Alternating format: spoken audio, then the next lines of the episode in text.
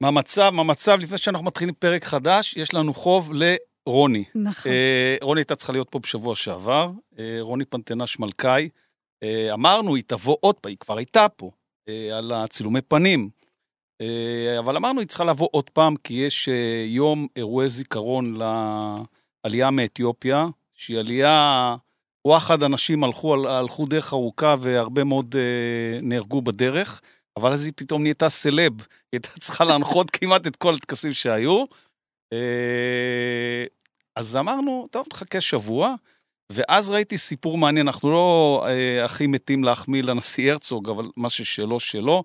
ראיתי איזו יוזמה שלו, שצריך להרחיב אותה גם למקומות אחרים, אחר כך נדבר על זה, אה, אה, שהוא החליט לתת, אה, להציע לציבור, לבקש חנינה לציבור של אה, אה, עולי אתיופיה והדור השני והשלישי של עולי אתיופיה, כי יש אה, אה, הפללה אה, הפללה שלא כדין של המשטרה, והפרקליטות משתפת עם זה פעולה, והרבה מאוד בני נוער אה, מסמנים אותם ומתחילים את החיים שלהם עם אה, הרבה כתבי אישום. אז אמרתי, אם כבר רוני בא, היא תיתן לנו את הסטטיסטיקה של ההפללה שלא כדין הזאת.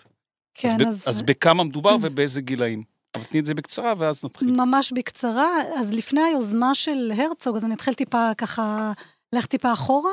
באוגוסט 2021, אה, מבקר המדינה פרסם דוח מאוד חמור וקשה, שמדבר על שיטור יתר כלפי יוצאי אתיופיה. זה לא הדוח הראשון, זה היו כמה דוחות, אה, שבעצם הדוח הזה הצביע על כך שכמות המעצרים של קטינים יוצאי אתיופיה היא פי 3.3 משיעורם באוכלוסייה. אני חוזרת, קטינים יוצאי אתיופיה נעצרים פי 3.3 משיעורם באוכלוסייה, בגירים יוצאי אתיופיה נעצרים פי 2.5 משיעורם באוכלוסייה, שזה מספרים באמת אה, מאוד גבוהים, אה, וגם בעקבות זה בעצם הייתה, באה היוזמה של הרצוג. עכשיו, בתוך הדוח הזה, אה, מבקר המדינה עשה גם שיתוף ציבור, כלומר, הוא שאל יוצאי אתיופיה על החוויות שלהם מול המשטרה, ואני רוצה להקריא לכם שתי עדויות כדי ככה לסבר את האוזן מה זה בעצם שיטור יתר. קדימה. נער מספר, כשהיינו בני 13, ישבנו בגן המשחקים. נכנסו שני שוטרים, שמו אותנו ליד קיר, והאשימו אותנו בוונדליזם שלא אנחנו עשינו. לקחו אותנו לתחנת המשטרה וחקרו אותנו בלי נוכחות הורים. עדות נוספת, אחי הגדול היה מחוץ לבית שלו. מי זה אחי הגדול?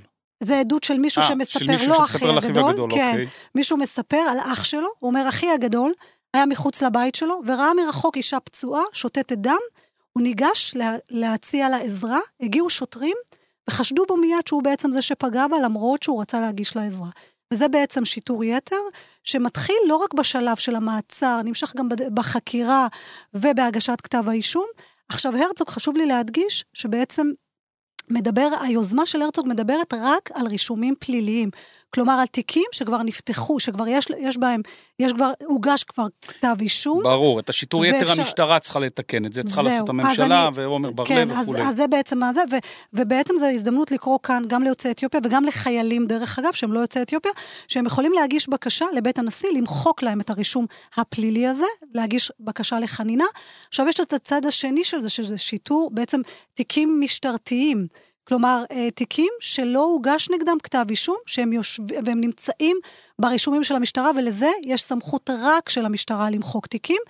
ולכן המשרד לביטחון פנים חייב לעשות איזושהי יוזמה גדולה, לאומית, שמדברת, גם לאור הנתונים של מבקר המדינה שמדברים על שיטור יתר, לצאת ביוזמה לאומית למחיקת הרישומים המשטרתיים שיושבים בעצם במחשבי המשטרה ופוגעים בנער כי הוא מסתובב עם אות קין, זה פוגע בו בגיוס במשטרה, סליחה, בגיוס לצה"ל, זה פוגע בו בכלל לחיות חיים נורמטיביים, הוא זה מסתובב עם אות בעיקר קין כזה. הפרת, הפרת זכויות אדם באופן אה, מאוד בהחלט. משמעותי, ואני מזכיר שמפכ"ל המשטרה רוני אלשיך הודה בזה באופן פומבי, לא בריאיון, לא בפליטת פה, בנאום שלו בפני קהל, שיש שיטור יתר והפללת יתר שלא כדין של המשטרה כנגד, אה, כנגד כל כהי העור במדינת ישראל. נכון. יאללה, מתחילים.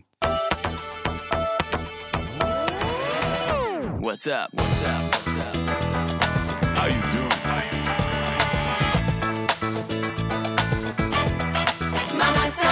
טוב, יאללה, אנחנו מתחילים. יש לנו, אה, יש לנו עכשיו את הפאנל שלנו בסלון, שזה את רוני, אתם כבר הצלחתם, אה, הצלח, הצלחתם לקלוט, רוני פנטנש מלכאי, אה, היא מחליפה את עמנואל, עמנואל מלמדת, אנחנו מקליטים בימי שני ועמנואל מלמדת היום. מה היא מלמדת? אה, מלמדת, אנשים אינטליגנטים, מלמדת, מתפרנסת מללמד. וואו. ו- איזה יופי. ולילך, שמחליפה את אה, סיוון, סיוון, סיוון חיתנה את אחותה בחתונה בסוף שבוע. ב- ראינו, ראינו. ראינו את התמונות. בעין גב, מי שראה, חתונה מאוד... אה, עין גדי, לא עין גדי. עין גדי, עין גדי, עין גדי, חתונה, חתונה מאוד אה, מרגשת. טוב, אז מה הליינאפ שלנו היום? על מה נדבר? אנחנו בסוף, בסוף, בסוף, אה, אה, בפינת הפלייליסט שלנו, ג'ני פנקין תבוא לנגן ולה, ולשיר ולהעיף פה, את ה- ולהעיף פה את האולפן. אנחנו נדבר עם עופר נוימן, מנכ"ל איגי.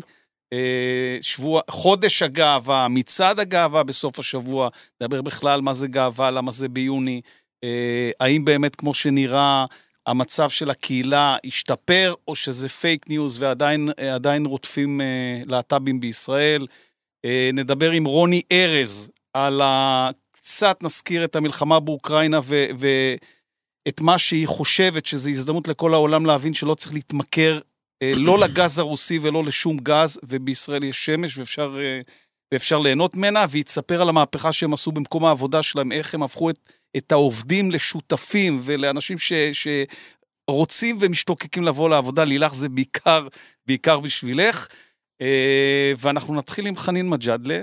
אה, רצינו להזמין אותה כבר מזמן, מי שעוקב אחרי, אחרי המאמרים שלה בהארץ, היא עיתונאית בהארץ, היא התחילה בפרויקט 21 של הארץ.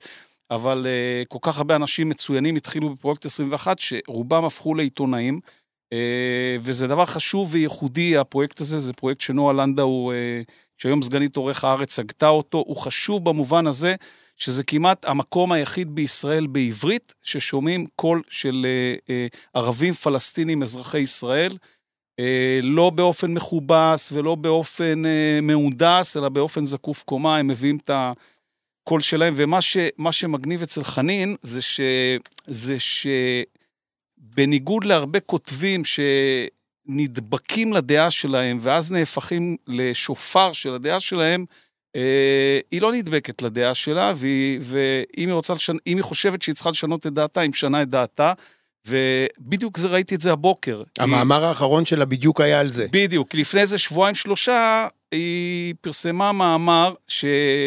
שאמר בעיקר נדמה לי לאיימן עודה ולאחמד טיבי, אה, אין לכם ברירה, צריך לתמוך בדבר הזה, בממשלה הזאת, בקואליציה הבלתי אפשרית הזאת. והיא התעצבנה מדברים שגם אני התעצבנתי, גם איתה התעצבן, אה, נדמה לי בשבועות האחרונים, אה, אה, מהלוויה של שירין אבו יקלה, מה שעשו עם הארון שזה זוועה, מה שעשו עם הדגלים שזה זוועה, אה, האינדוס הזה או המסגור הזה, ש, ש, שזה לילך, תכף נדבר על זה, כי זה, זה אחד הדברים שמוציאים אותי מדעתי כשאני ראיתי את האיגרת הזאת של ראש הממשלה נפתלי בנט, כי אני חושב ש...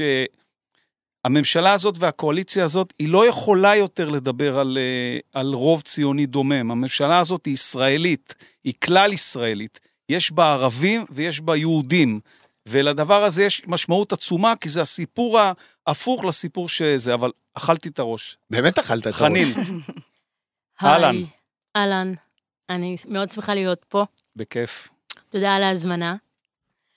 אה, מה, מה אתה רוצה לשאול? אני מעדיפה שתשאל אותי. וואלה? תמקד אותי. לא, תספרי כן. זה- לנו. את יודעת, זה, זה עיתונאים, עיתונאים, עיתונאים אוהבים לשאול, אבל, כש, אבל כשבאים לראיון אז זה כאילו פתאום... אה, אז כן. אני, אז אני, ברשותך רגע, אני חוטף לאלדד רגע, כי, את יודעת, אומרים, ו- ואני גם, אני, עוד פעם, אני מודה, אני מבולבל, אני לא יודע כבר כלום. יש, כל הזמן מדברים, יש בחירות באוויר, אין בחירות באוויר, יהיו בחירות באוויר, ביבי יקבל 40 מנדטים, בן גביר יקבל 90 מנדטים, זה... וכאילו אני אומר לעצמי, רגע, אולי אנחנו צריכים באמת לסתום את הפה, ואני לא ערבי פלסטיני אה, ישראלי, אה, אה, זכויותיי לא מקופחות פה ולא מדכאים אותי ולא כלום. ואני אומר, רגע, אולי בגלל שאני כן מאמין בשותפות ישראלית-ערבית שהייתה צריכה לקרות... יהודית ערבית. יהו- סליחה, יהודית-ערבית, סליחה. אולי אנחנו באמת צריכים לסתום את הפה, ולחכות שאולי יגיעו ימים טובים יותר, אולי השמאל הישראלי יימצא איפשהו מתחת לאיזה אבן, ואז את באה וכותבת הפוך. אז, אז כשאת אומרת שהממשלה הזאת היא, אה, אה, איך כתבת? אני לא זוכר, אה, הגיעה לסוף דרכה, או... אמ, לא, אני חושבת שמה שאני כתבתי, שאם הייתה לי איזושהי תקווה של תקופה כזו שמאפשרת, תקופה בעקבות, כמובן בעקבות ה... הקואליציה או הממשלה שמאפשרת איזשהו שלטון כזה חצי חצי שהוא לא, זאת אומרת, אה, ימני מדי בפרקטיקה, בחוקים, בחקיקה, גם כלפי אה, אזרחים אה, ישראלים, אה, ערבים פלסטינים, או כלפי פלסטינים. אבל אני פשוט מרגישה בחודשיים האחרונים, וזו תסמונת של השמאל הישראלי, ש... כי הם מאוד מפחדים מהתיוג של שמאלנים, שהם חייבים להראות שהם יותר ימניים. למה אני צריכה שמאל שמתנהג כמו ימין, אם אני יכולה לקבל ימין שהוא ימין, שלא צריך לעשות פה מעשים, אה, זאת אומרת, אקסטרה כדי להראות מי הימין פה. וזה מה שאני מרגישה שקורה במשמרת של אה, בר לב, של מרצ, של העבודה, שמצד אחד, כשהם פונים ל... לערבים, הם אומרים, השמאל הוא פרטנר, אנחנו צריכים לשמור על ישראל דמוקרטית, כל מיני דיבורים. ואז מצד שני, אנחנו ציונים ואנחנו יותר, אה, וה, והשמאל ישמור על ישראל יהודית וציונית ואו-טו-טו גם משיחית. לי זה מאוד אה, לא בא טוב. איפה, איפה את רואה, אה, זה קצת, את יודעת, אנשים הם אה, קצת פחות בדיבור של ימין ושמאל, אנשים הם יותר בדיבור של מה הם מרגישים. האם הם מרגישים אה, שותפות או שוויון, או האם הם מרגישים שישראל הולכת למשיחיות, לטרלול ולפסיכופתיה מוחלטת? איפה, איפה המעשים, איפה, איפה המקום שלא נותן לך, כ, כערבית פלסטינית עם אזרחות ישראלית, את לא ציונית, את לא יכולה להיות ציונית, זה, זה הזוי בכלל לבקש ממך, אה, הזוי לבקש ממך אה, לשיר את התקווה, זה הזוי לבקש ממך אה, להתרגש שמניפים את הדגל, את לא שבת לציון, את היית פה, אבותייך היו פה, אה, לפני שהציונים חזרו לפה. איפה המקום, איפה המעשים היומיומיים שהיו נותנים לך תחושה שזה הולך למקום של שינוי? כי את אומרת, או נראה לי שאני מתרגם את המאמרים שלך, נתתם כסף, אבל זה לא הכל. תראה, אני קודם כל חושבת, וזו רק אני, אני לא יודעת, אני לא רוצה לדבר לא בשם הערבים ולא בשם אה, מדברת אף רק בשם אחד, חנין. אבל אם יש איזה ערבים שמזדהים עם מה שאני אומרת, זה, אני אוהבת, כי זה נותן לי גם drive אה, לכתוב את דעתי. אני חושבת שאני בן אדם ריאלי, ואני לא חושבת שיכולה להתקיים פה שותפות אה, ערבית-יהודית, במדינה שבעצם כאילו המסגור של המדינה הזו היא מדינה יהודית. אי אפשר. עכשיו, אפשר לשאוף למצב שהוא מיטיב עם האזרחים הערבים. לדבר על שותפות, אני לא חושבת שיכולה להתקיים שותפות. כי שותפות, זאת אומרת, חייב להיות איזשהו, איזשהו ש, שוויון כדי ששותפות תיווצר. כי אז זה לא בדיוק שותפות. עכשיו, האם המצב פה באיזושהי צורה מיטיב?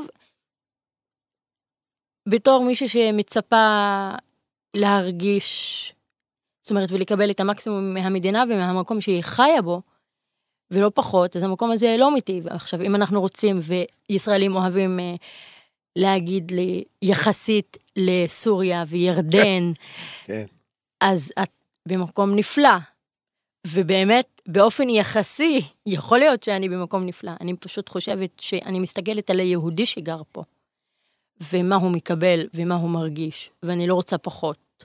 עכשיו, אם הייתי גרה בלבנון או בסוריה, אז זאת אומרת, הדיבור היה אחר, אבל פה אני חיה. איזה, איזה. איזה סוג של, אה, איזה סוג של אה, מעשים או של, אה, של צעדים שהממשלה הייתה עושה, או הקואליציה, או החברה היהודית, היו נותנים לך תחושה ש... איך את אומרת את זה בהגינות וביושר? אתם לא תהיו באמת שותפים שלנו, כי אתם לא רוצים אותנו כשותפים מלאים, אבל אני גם מבינה שאם יהיה פה מקום מאוד מטיב לערבים כמוני, אז זה יהיה משהו שאני סוג של אחיה איתו בשלום. תראה, זאת שאלה של מה השאיפות שלי, ואני לא רוצה עכשיו לדבר על חנין, אני קצת ככה אדבר בכלליות. האם אני רוצה שאיפות גם לאומיות? זאת אומרת, האם אני רוצה שהמקום הזה, אני אזדהה איתו והוא יזדהה איתי, אם, הוא, אם הנבחרת תשחק בחו"ל, אם, אה, לא יודעת, אה, אני ישראל תהיה באירוויזיון. כן. כן, אם זמר ערבי ייצג עם, אה, אותנו אתה יודע, באירוויזיון. כל מיני אירועים סמליים כאלה. אז אם אנחנו, או, או שהצבא ילך למלחמה עם מדינה, זה היה כל מיני אירועים שבתור מישהי שהיא לא נמנית על הקבוצת הלאום של המדינה, אלו לא אירועים או מקרים שאני יכולה לזהות. עכשיו, השאלה היא, האם אני רוצה אה, הזדהות לאומית, או האם אני רוצה זכויות אזרחיות. אני באופן אישי, מהאסכולה של זכויות אזרחיות זה נחמד, לי יש שאיפות ליותר. אני מניחה שיהיו, ויש הרבה אזרחים ערבים שהיו רוצים חיי אזרחות הוגנים וטובים, שכן לקבל תקציבים, שכן אה, אה, לא להיות מופלים אה, לרעה במקומות עבודה, לא לעבור profiling כאילו הם טרוריסטים בשדות תעופה, וכל מיני, אתה יודע, חיים נורמליים, לא להרגיש בכל יום כאילו אתה אויב המדינה. עכשיו, אני חושבת שהשיח של תקציבים ואזרחות הוא חשוב, אבל הוא לא יכול להיות כותרת. ה- הכותרת, כן? כי אני חושבת שהבעיה של התקציבים נעוצה בשאלת הלאום. כי זאת אם הי- אומרת, כי אם לא הייתי מבאקה אל-גרבייה, ובאקה אל-גרבייה לא היה כפר אה, או עיר, למעשה עיר אה, ערבית, כנראה שלא הייתה שאלת אה, תקציבים. אבל מצד שני, וככה ניכנס ליותר פרטים, כנראה שאם באקה הייתה בפריפריה החברתית של ישראל, גם זה לא היה עוזר להם עם תקציבים, כי נגיד, לא יודעת, אפשר לדבר גם על ירוחם ועל, הש... ועל כל מיני מקומות. עכשיו, יש המון המון סיגויות, אבל אני חושבת שכאילו בתור קבוצה ובתור חברה, אתה נמצא ב...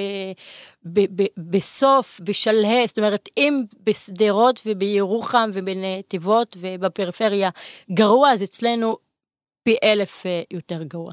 לכן, השיח של תקציבים, אני, ממה שהבנתי, הם, התקציבים הן בדרך. מישהו כתב לי אתמול תגובה, שחנין, התקציבים בדרך, ואני אומר את זה ממקור. אמרתי לו, אוקיי, זה יאללה, מדינה מברוק. קטנה, בדרך מאיפה לאיפה. אם יהיו תקציבים, אני האחרונה ש... זאת אומרת, בשמחה. יגיעו תקציבים ונדבר. אצלנו אומרים, בס יג'י סבי בנסלי על נבי. כשיגיע הזכר, סבי. יודע, כי כולם רוצים בנים זכרים, גם אצלכם. אז אנחנו, יעני, נגיד, אה, נתפלל על הנביא. נגיד ברוך השם, משהו יפה. כזה. יגיעו. חנין, אפשר אה, שאלה? כן, בטח. מתי בעצם, זאת רוני. אני רוני? כן, רוני, אני כבר. יודעת, כבר בפעם השנייה. אמ, הייתה איזושהי נקודת שבר? כלומר, שהרגשת ש... שאת... אה, כאילו, היה הייתה איזושהי נקודה שהקש ששבר את גב הגמל? כי כתבת את המאמר הזה ואמרת, אוקיי, השותפות הזאת סיימה את דרכה? כלומר, הייתה איזושהי נקודה בתוך כל התהליך הזה שגרמה לך להרגיש את זה? לא, לא, אני לא חושבת שפה במקרה הזה הייתה לי נקודת שבר, כי זו לא איזה ממשלה שהייתי מאוד, זאת אומרת, זה לא משהו שאני, אה, את יודעת, חפיצה בו, אבל אמרתי, אוקיי, אני מבינה, בוא נהיה קצת פרגמטיים, יאללה, לא צריך עכשיו זה. בוא נראה, אולי יעשו דברים טובים בארבע שנים האלה. אף אחד פה לא הולך לפתור שום דבר, וזו גם בעיה, כי כל הזמן אם אנחנו נדבר בשיח של שום דבר פה לא ייפתר מדינית, אז ממשיך כאילו להתעסק רק בזכויות ובתקציבים וב... ולא בשאלה הגדולה שמבחינתי היא לא רק הכיבוש, אלא שישראל הופכת, אם היא כבר, אני חושבת שאפשר אפילו להגיד שהיא כבר הפכה להיות מדינת אפרטהייד בעיניי ולא רק כיבוש, כי בתכלס אין פה פלסטין, יש פה ישראל ששולטת גם בשטחים, שולטת גם בעזה, יש פה ריבון אחד שהוא ישראל, אין, אין, לא פלסטין ולא פלסטין העתידית ולא שום דבר. אז אני חושבת שזו השאלה הכי גדולה של ישראל, והכי חשובה, לפני תקציבים ולפני ימין ולפני שמאל, ל, ל, לטווח ארוך, שאף אחד לא רוצה להתעסק. זאת לילך. השאלה בפרקטיקה, כי את... אני אה, רק אגיד לה שנקודת השבר אצלי היא לא הייתה, זאת אומרת, לא הייתה נקודת שבר אה, ביחס לממשלה הזו, אבל כן, זאת אומרת, אמרתי בואו ניתן הזדמנות, ובחודשיים האחרונים רצף של דברים שלא השאירו לי מקום של, שאמרת, לפני שלילך, שאמרת שזה שירין אבו עקלה, זה כאילו גם, גם שירין וגם השיק... זאת אומרת, גם עצם, בכלל, אה, בכלל ההרג שלה וגם עצם מה שקרה ב- בלוויה וגם הדגלים באופ... ו... ומסאפר יטא שיש שם מתנהל גירוש. שמה- מה- מה? מסאפר יטא זה אזור שנמצא בדרום הר חברון, זה כפרים דרומית לחברון. עכשיו, כפרים ממש הכי... הכי. עולם שלישי הכי שיכול עולם להיות ב- שלישי. באזור הזה. הכי עולם שלישי. אנשים שם חיים, חלק חיים במערות, כי, כי לא מחברים אותם, מגיעים לחשמל, אבל זה האנשים שחיים שם. זה די מזכיר גם הסיפור עם הנגב, וכן להסדיר אותם, לא להסדיר אותם. אבל ישראל כבר הרבה שנים רוצה, רוצה לעשות איזשהו רצף של התנחלות, התנחלות יהודית שם, או לא יודעת, איזה באזור משהו. חברון. כן, באזור דרום חברון, אז לכן הם רוצים לגרש את התושבים הפלסטינים משם, לא להסדיר את ה... תנאים הבסיסיים לחיים. לא להסדיר, ולהפוך את המקום לשטח אה, אש או אימונים צבאיים. ומעלימים שם עין מהמון התפרעויות. אה, במקרה אני עוקב, מעלימים שם עין מהמון התפרעויות שאנחנו יודעים בדיוק של מי, וזה, אני אומר, זה, זה, רגע, זה, זה לה- קשה לראות. תן לה זה רגע לסיים. את הנקודה. אמ, אני, אגב, מעלימים עין, זה לא מעלימים עין, אני לא יודעת אם שמעת את, אה, מי, מי זה היה מהצבא שאמר באיזה כנס שהצ... הצבא עלם וההתיישבות. בשטחים זה אותו. דבר. זה אותו דבר, כאילו. מעלימים עין. שאמר שההתיישבות וה... חד הם. והצבא, ההתיישבות עכשיו, ביו"ש, יש כן. איזושהי ציפייה, ואני שומעת את זה מחברים ס- שמאלניים שלי, שאומרים, הצבא חייב אה, להפריד בין הפלסטינים, או להגן על הפלסטינים, אבל... זה לא קורה. זה לא קורה, וזה גם לא יכול לקרות גם. כי אם הצבא בא לשרת את האינטרס של מדינת ישראל בשטחים, וההתיישבות היא האינטרס של מדינת ישראל בשטחים, אז איך הצבא, יג... כאילו, איזה בקשה מופרכת, ו... וזה למה כל כך קשה לי עם, ה... עם השמאל, כי אתה, ואני כאילו לא אומרת שאתם לא שמאל ואתם לא? אבל אני כאילו מנסה להבין את, ה... את ההיגיון. או נגיד, איפה אתם לא קוראים את התמונה נכון. אולי נגיד, די להגיד, זאת אומרת, אולי להסתכל על התמונה ולהגיד, זה גרוע, ולא לנסות למצוא איך אפשר לתקן את התמונה מבלי לתקן את השורש של הבעיה, כן? את נתת עכשיו בדיוק את הדוג... תכף לילך, אבל את בדיוק נתת את הדוגמה, כי נניח ב... בתקנות האלה שרוצים להאריך עכשיו, שאומרים, זה לא קשור לפתרון מדיני או לא מדיני, עכשיו צריך יו"ש. לתת, צריך לתת ליהודים שגרים שם את, ה... את האפשרות להרגיש שהם אה, לא תלויים אה, על חוט באוויר. אז אני חושב שהמחנה הליברלי מהצד השני היה צריך להגיד, לפחות מהדוגמה שנתת עכשיו, אוקיי, אתם רוצים להמשיך להסדיר את מצבם ההיראי עד שיהיה הסדר, אז צריך להסדיר את מצבם של תושבי דרום חברון ולחבר אותם מיד לחשמל ולמים ולתת להם אה, קורת גג. אם זה פתרון זמני, אז גם זה פתרון זמני. ואני חושב שהעובדה שהמחנה הליברלי לא עושה צעדים שגם אם הם לא פותרים את הבעיה, אבל הם נותנים תחושה שמשהו פה מאוד מאוד בסיסי השתנה ביחס, וב, ו, וזה לא משנה אם חנין תגיד, הם לא באמת רוצים שוויון עד הסוף, זה בסדר, היא צודקת במה שהיא אומרת מהצד שלה, אבל אני אעשה את הכל כדי להראות לה שאני כן רוצה שוויון. לילך, רצית להגיד משהו. אני מקשיבה לך, את מתארת את עצמך, ואת גם אה, עושה רושם של אה, אישה פרקטית. אה, וה... יש את הזכויות, ה... או את הטיפול הנדרש. בנושאים המדיניים והלאומיים, ויש את הטיפול הנדרש בנושאים אזרחיים. אה, עכשיו, ברמה הפרקטית, הטיפול הנדרש בנושאים האזרחיים צריך להיעשות ללא שום קשר אה, ולאו דווקא ב- בסדר, זאת אומרת, שנעשים פה הטיפול בנושאים המדינתיים. אני מאלה שחושבים שחייבים לפתור את הבעיה הזו, אני גם חושבת שהיא יודעת מה הפתרון לבעיה הזו, אה, אבל אני לא רוב במדינת ישראל. אני כן חושבת שיש אה, הסכמה, והממשלה הזו מראה את זה, אה, לגבי פתרון של נושאים אזרחיים. ואני חושבת שאחד הדברים שהממשלה הזו עשתה, בזכות השותפות, וכן שותפות בעיניי עם רע"מ, אה, זה לבוא ולהגיד, אה, ב- הכסף למשל, כי כסף יודע ליצור אה, מציאות אחרת, קצת טובה יותר, וזה לא שוחד בעיניי, על אף שמנסים להציג את זה כדבר כזה, וזה לא בתמורה ל... אלא זה כסף שהיה צריך להיות מושקע ממזמן, מהמם. וטוב שהוא יושקע, גם אם למורת רוחי לא מטפלים בכל הנושאים האחרים. ואנחנו לא חיים בוואקום. עכשיו, לא תמיד אתה יכול לשנות את הכל ביום אחד, אוקיי? מהמם. ולכן בעיניי התמיכה בממשלה הנוכחית, שבאה ואומרת, אה, יש פה בעיניי כן שותפות. לא שותפות מלאה, לא שותפות אה, אה, בתנאים שוויוניים אולי, אבל שותפות הרבה יותר טובה מצורת השותפות שהייתה, כי אה, לבוא להיות אבו יאיר ליומיים כדי לקבל את קולות הערבים, זה, זה בעיניי היום, זה מזלזל. לבוא ולהגיד, אלה שותפים שלנו, אוקיי? ויש צורך לתת להם יותר כרגע. בדיוק אגב, כמו שיש צורך לתת יותר אה, לשדרות ולירוחם, אוקיי? אבל צריך לתקן את העוול, לפחות התקציבי.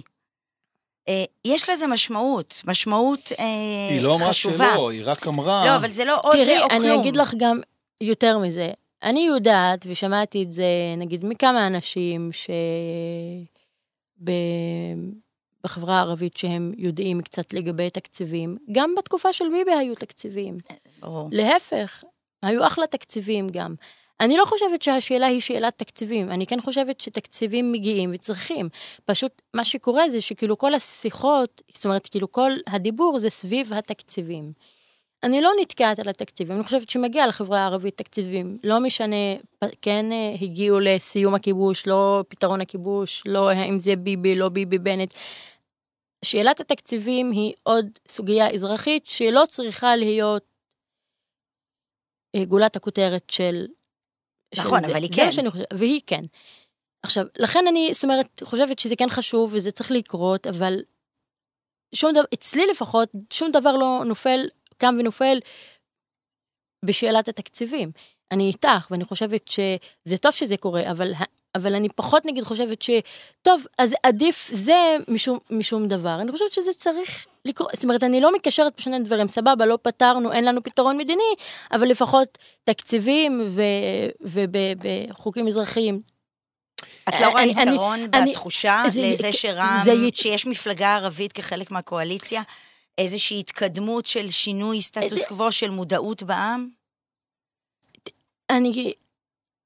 יש את מה, אנחנו, מה שאנחנו מדברים על הקואליציה ועל השותפות, ויש את מה שקורה בפועל בשטח. האם אני מרגישה איזשהו שינוי בעקבות השותפות הזו, בעקבות הקואליציה? אני חושבת שעוד לא, ואני גם לא מצפה שיקרה איזשהו שינוי בעקבות קואליציה. אני לא חושבת, כי לא רק בגלל שהקואליציה הזו כל כך שברירית, וכל יום וחצי יש איזה משהו שמאיים להפיל אותה בין אם אה, אה, באל-אקצא ודגל וסילמן ורינאוי, אז לכן אני גם חושבת, הקואליציה, סבבה, יש קואליציה, יש איזה הערבים הם בממשלה.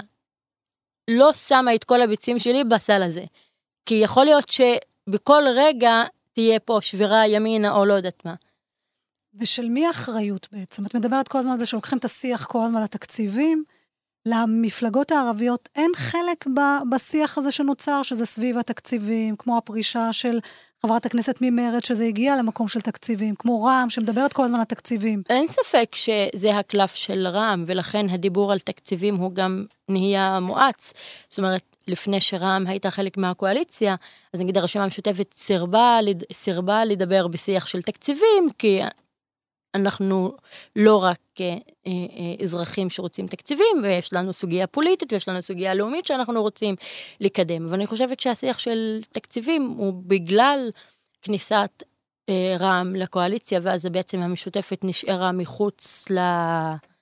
כי זאת אומרת, היא לא חלק מאלה שהולכים לאכול את העוגה. ובעצם בעצם מה שאת אומרת, בשורה התחתונה, שהיה לך סוג של אופטימיות כשהתחילה הממשלה, למרות שזה לא הרגשת שזה ממשלה שלך, אבל סוג של אופטימיות, אמרת, נראה, אולי יצא מזה משהו טוב. אה, כאילו, אה, הייתה, הייתה הסתה מאוד גדולה באוויר, מאוד מפורשת, כן? אני לא אומרת שנגיד במשמרת של בנט וכל החבר'ה, אין אה, גם אותו זה כשבנט אומר החזרנו את, הריבונות הישראלית לירושלים אחרי מצעד הדגלים האחרון, זה אולי אלו מילים עדינות להגיד את מה שביבי אמר, אבל אתה יודע, ביבי יש אה, באמת רק אחד. אה, ואני לא חושבת ש... אני חושבת שבאמת טון הדיבור אחר, ויש איזושהי תחושה של ממלכתיות. אמרתי, מתאים לי ל- לרגע.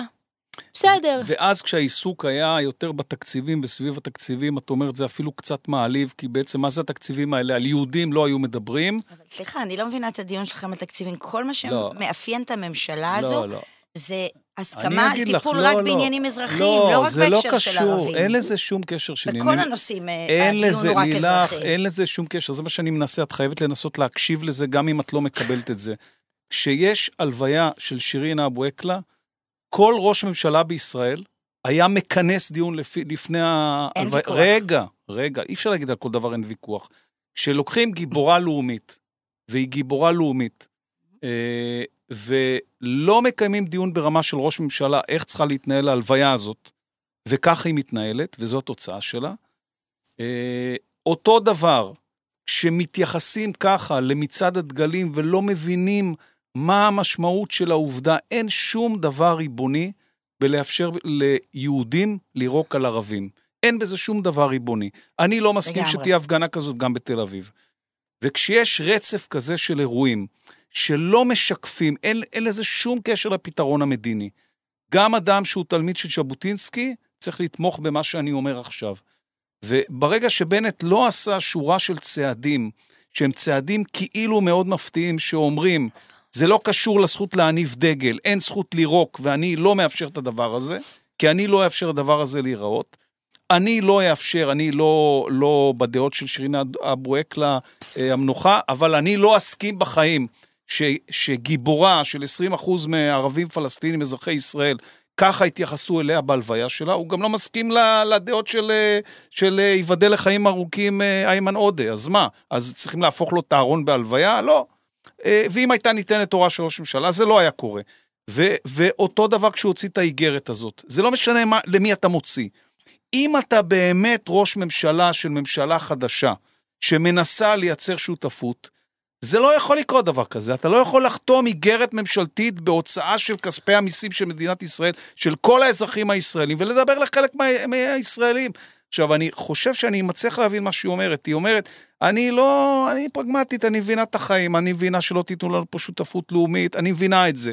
אה, אני גם לא, לא נחתתי מהירח. הייתה לי איזושהי תקווה כשהממשלה הזאת התחילה. אבל כשאתם מדברים אליי רק בתקציבים, זה המובן מאליו, ברור שצריכים להיות תקציבים. כי אתם הזנחתם אותנו 50 שנה, 70 שנה.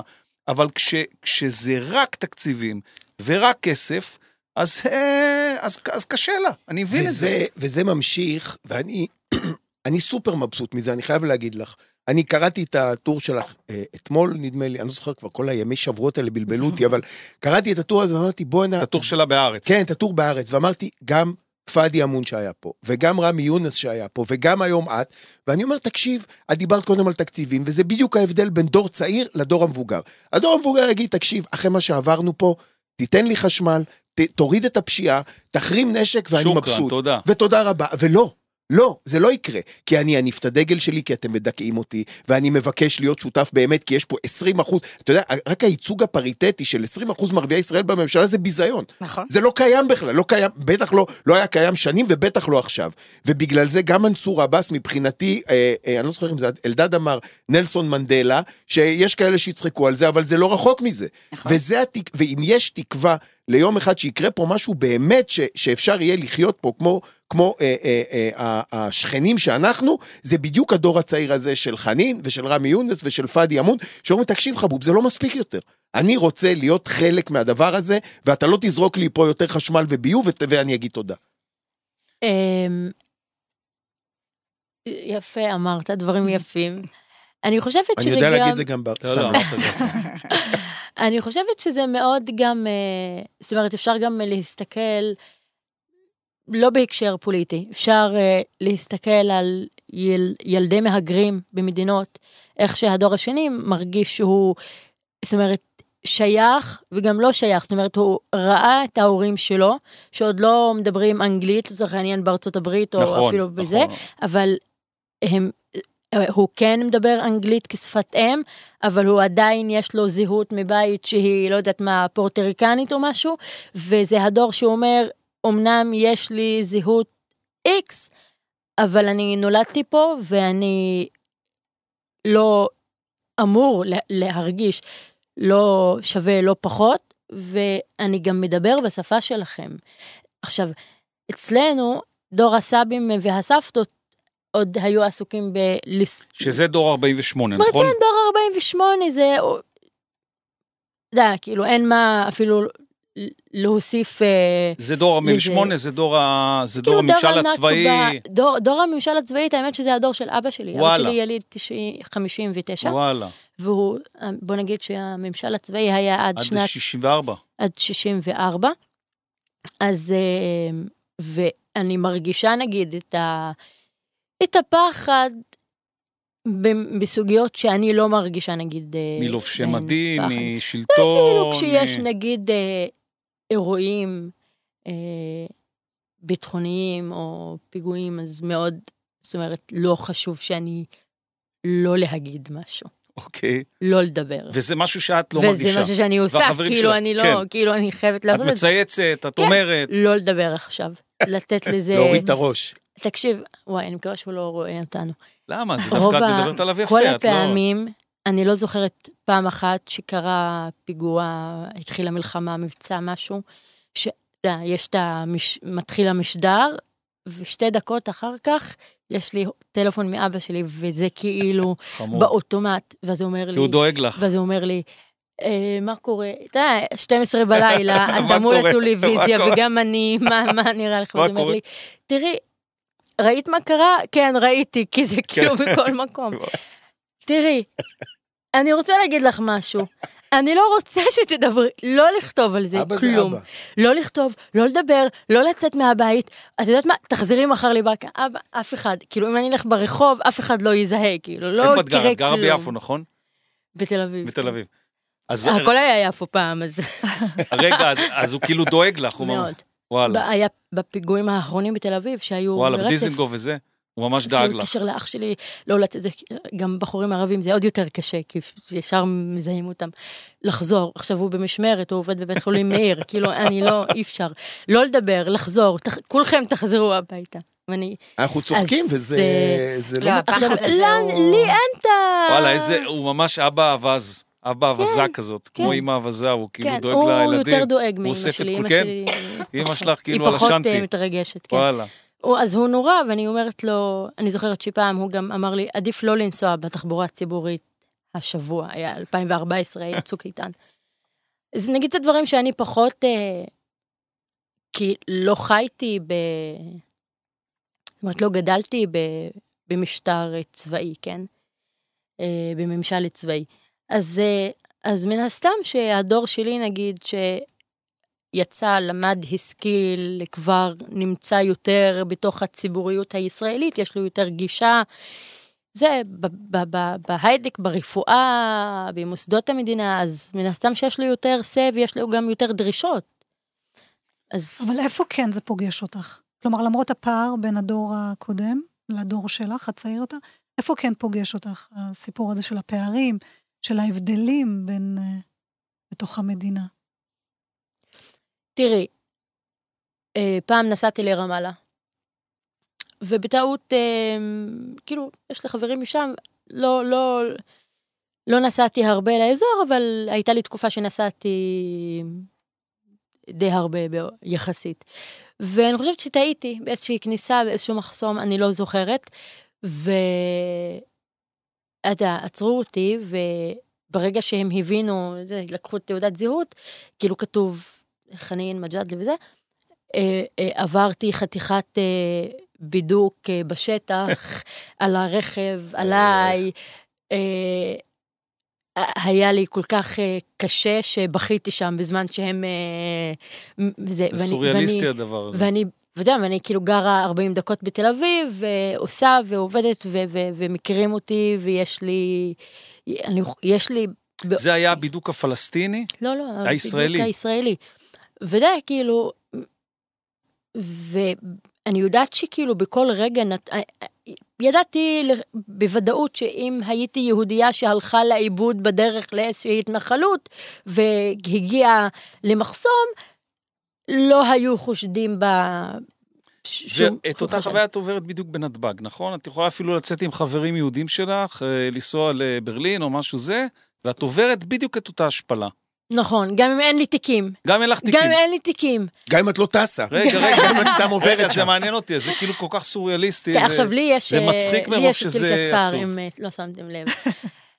אני זוכרת שטסתי ל- למינכן עם אה, מסגרת העבודה, שלושה ימים, אין עליי תיק, לא, לא צריך. כן, כאילו ועוד- נסיעה קצרה. אני ו... אני ו... והבוס, ו... איפה אתם מכירים, למה אתם מכירים, כמה אתם מכירים. עכשיו, אתה יודע, הוא מבחינתו, אני משלם המיסים, האשכנזי, הלבן, היהודי, איך אתם ככה מדברים. מדברים עם אליה. אם מדברים אליה, הייתי, ואני כזה, אה, אני, אני חושבת שאולי תירגע, כי אם תמשיך לדבר ככה ואני פה, אנחנו לא ניסע לא נעלה בחיים. לטיסה. אז uh, אם אני משלם לכם מיסים ואני משלם לכם משכורות, אתה יודע, כאילו איך, אתה מכיר את הדיבור הישראלי של מגיע לי, ברור. ואני אני משלם לך את המשכורת, הוא אומר לבודקת, אני כזה, אם תמשיך לדבר ככה, אנחנו לא נעלה. אנחנו לא נעלה, וזה לא יהיה בגללך, זה יהיה דווקא בגללי. אני לא רוצה שזה. אז זה כאילו, אני עוברת במסוף הזה ששם את התיק שאין בו כלום, ו- ואז הם בודקים אותו, ואני רואה, כולם עוברים, ורק אני שם. עכשיו אני אומרת לה, בודקת, בודקת, בודקת, אני אומרת לה, תקשיבי, פצצה, אולי תמצאי במאסקרה, כאילו, מה את עושה? כאילו, מה את עושה? ואז היא אומרת לי, זה רנדומלי. אני קצת. יודעת מה, אם תגידי מאוד. לי, אלו התקנות ואני חייבת, וזה לא אני, סליחה, נשבעת לך, אין לי בעיה.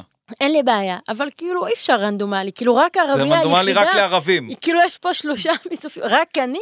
עכשיו כולם כזה, לא נעים להם, שומעים אותי, וכאילו, נבוכים וזה. עברנו, עברנו.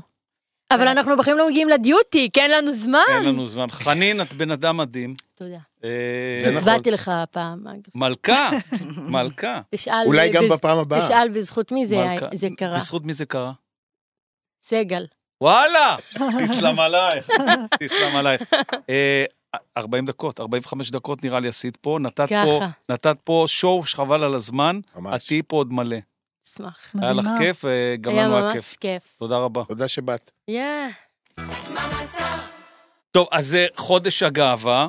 אה, חודש הגאווה, שבוע הגאווה, מצעד הגאווה, השבוע אה, ישראל היא מצטיירת כבירת הגאווה העולמית. היא מאוד מאוד אה, מתיימרת אה, להציג בכל מקום בעולם שאנחנו הכי פתוחים ואנחנו הכי, הכי אה, פרו-שוויון ופרו כולם ו... ו... ו... ו... ו... והשבוע היה את המצעד בירושלים, שהוא היה הכי מאובטח אה, מאז שזכרה לברכה שירה בנקי אה, נרצחה. וזה ממש ממש הזדמנות לדבר עם עופר נוימן, שהוא מנכ"ל איגי, שזה... איך אני מגדיר את זה, עופר? זה תנועת נוער. אה, תכף נברר אם זה נכון ממטולה עד אילת, אם זה נכון, אם זה לא רק עניין תל אביבי. Check me out. תכף אנחנו נעשה את ה checking הזה, אבל אה, יאללה, בוא תספר מה זה איגי. אז, אה, אז אני אגיד, וואו, מצלמים אותי עם הדבר הזה? אתה נראה מיליארד דולר, תתקדם. אין, אין לי. סיכוי בעיר הזאת. אין לך סיכוי, מי שעוקב אחריו, הכי חשוב לדעת שמעבר לזה שהוא מנכ"ל איגי, יש לו אה, עמוד אינסטגרם, ש- שהגיע הזמן לעקוב אחריו. מה, מה, ספר. ואני לא אספר לך, תתחיל לעקוב אחריו. אני אה, חלש אז, אז באינסטגרם. תראו, איגי, אה, איגי היום חוגגת אה, ממש ככה, ב, אנחנו 2022, אנחנו חוגגות וחוגגים 20 ו-20 שנה מאז שקם. הארגון הזה. הקימו אותו יניב ויצמן וגל אוחובסקי לפני 20 שנה. זה התחיל מקבוצה אחת בתל אביב שמייצרת איזה אינקובטור כזה לנוער גאה. אה, אה, פעם הראשונה שבכלל התחילו לחשוב על למה, הרי להיות הומו זה היה משהו שעושים בגיל 50, מאוד מאוד מאוד בסתר, בגן העצמאות, ומפחדים מזה. ופתאום הם התחילו לספר שיש הומואים וילדים ולהט"ב ולסביות וטראנס, והמושגים עוד התפתחו.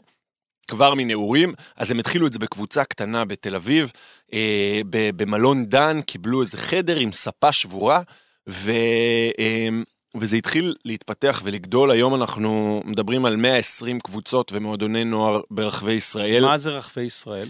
זה אשדוד, וזה טבריה, וזה יוקנעם, וזה אה, ערד, ודימונה, וקריית שמונה, ואילת, ועוד ועוד ועוד 52 רשויות מקומיות. וכשאני רואה ב... כשקראתי עליך קצת לפני שבאת, אז ראיתי ש... שמלא להט"בים עוברים לגור מתל אביב בעפולה. זה אז, אמיתי? אה, אז כן, יש לנו קהילה מהממת של צעירות וצעירים שהחליטו לקדם, אה, לבחור בחיים בעפולה וליצור שם תרבות להט"בית וחיים להט"בים, מתוך התפיסה שאנחנו רוצים לחיות ולגור בכל מקום. אז יש לנו בעפולה, בחיפה, בבאר שבע ובתל אביב קהילות בוגרים של איגי, הם עושים מסיבות והם עובדים בחינוך והם יוצרים אה, אה, אומנות ותרבות מכל מיני סוגים ומתחברים לתוך אה, האוכלוסיות המקומיות, גם בעפולה, גם בחיפה, גם בבאר שבע, באופן שהוא מאוד מאוד אה, גם מעורר בכל השראה. מקום שהוא לא תל אביב. זה מה שאתה אומר. זה- זה נקודה ש- 70 חשובה, העניין הזה. 75% מהפעילות שלנו, אם אני לוקח ואני אה, ממסגר, 75% מהפעילות שלנו קורית מחוץ לתל אביב וגוש דן.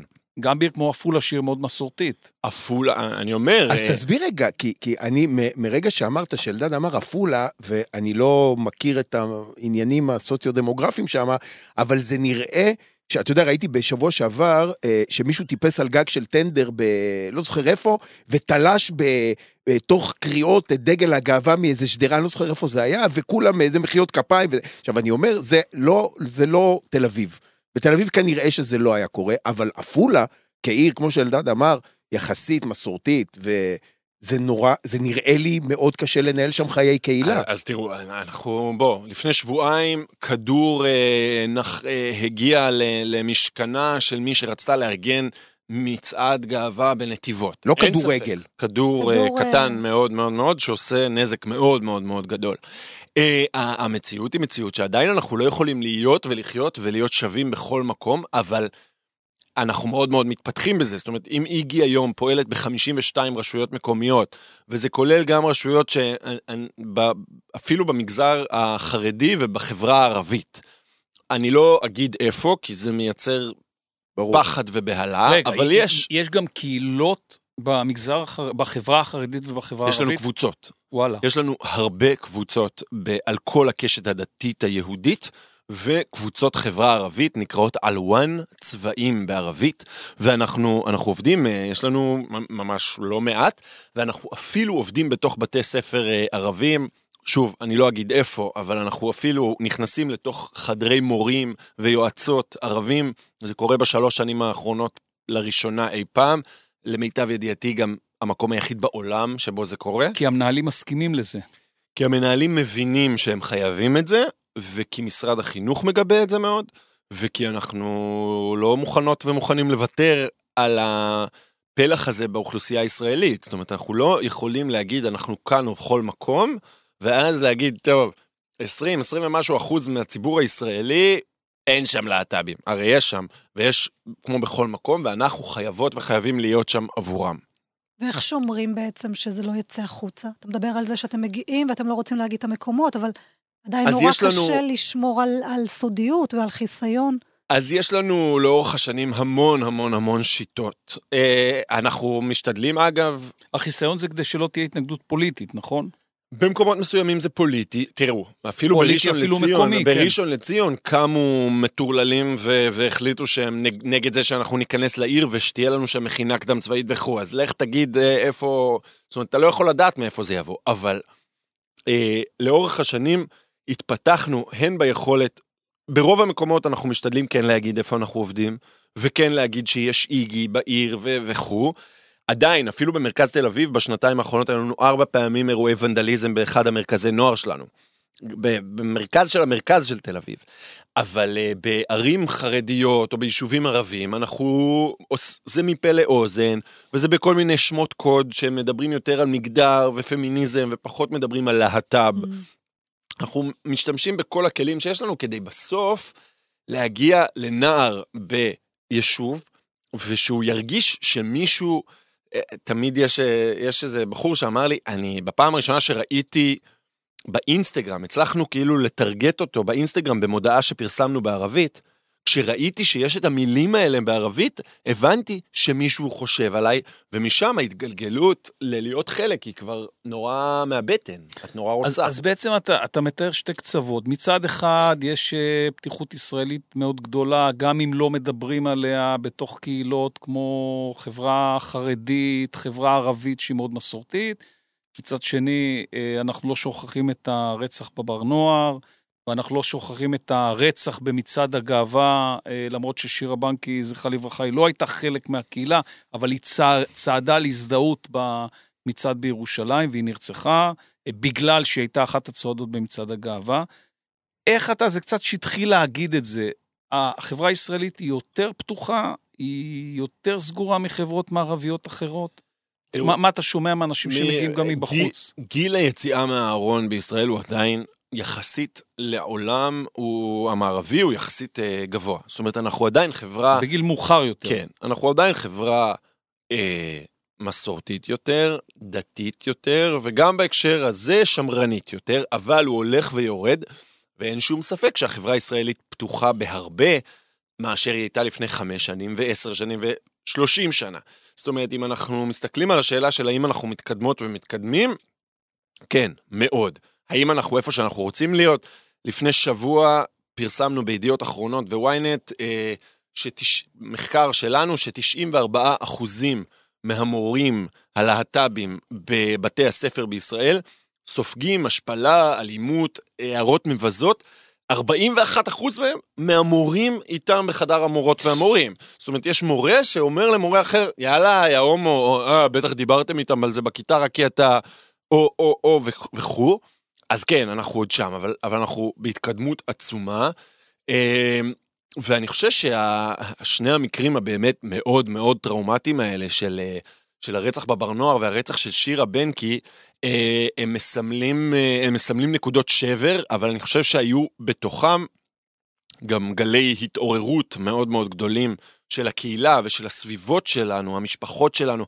יש עכשיו הצגה מדהימה שמוציאה לך את כל הבטן והעיניים והדמעות בהבימה, והיא מראה את הרגע הזה מה, שבו... מה השם שלה? תן שם, במה... עת שאהבה נפשי, איתי אוקיי. סגל ביים, אה, כתב, סליחה, משה קפטן ביים, ואתה אה, שומע, רואה בהצגה את התהליך שקורה לאימא מחושך ופחד ואימה מעצמה וממה שקרה במשפחה, ולעבר הבנה שהיא אימא, ושהתפקיד שלה הוא פשוט להיות אימא. והנקודה הזאת, אה, אני, אני אצטט אותך, אלדד, אתה פעם אמרת לי, שאתה יודע שכשהילדים שלך יגדלו, זה פשוט לא יהיה חשוב, אה, אבל מהמקום הכי טוב, זאת אומרת, אף אחד לא, אתה לא תעז לשאול אותם בשיפוטיות, את מי הם אוהבים, את מי הם לא אוהבים, את מי...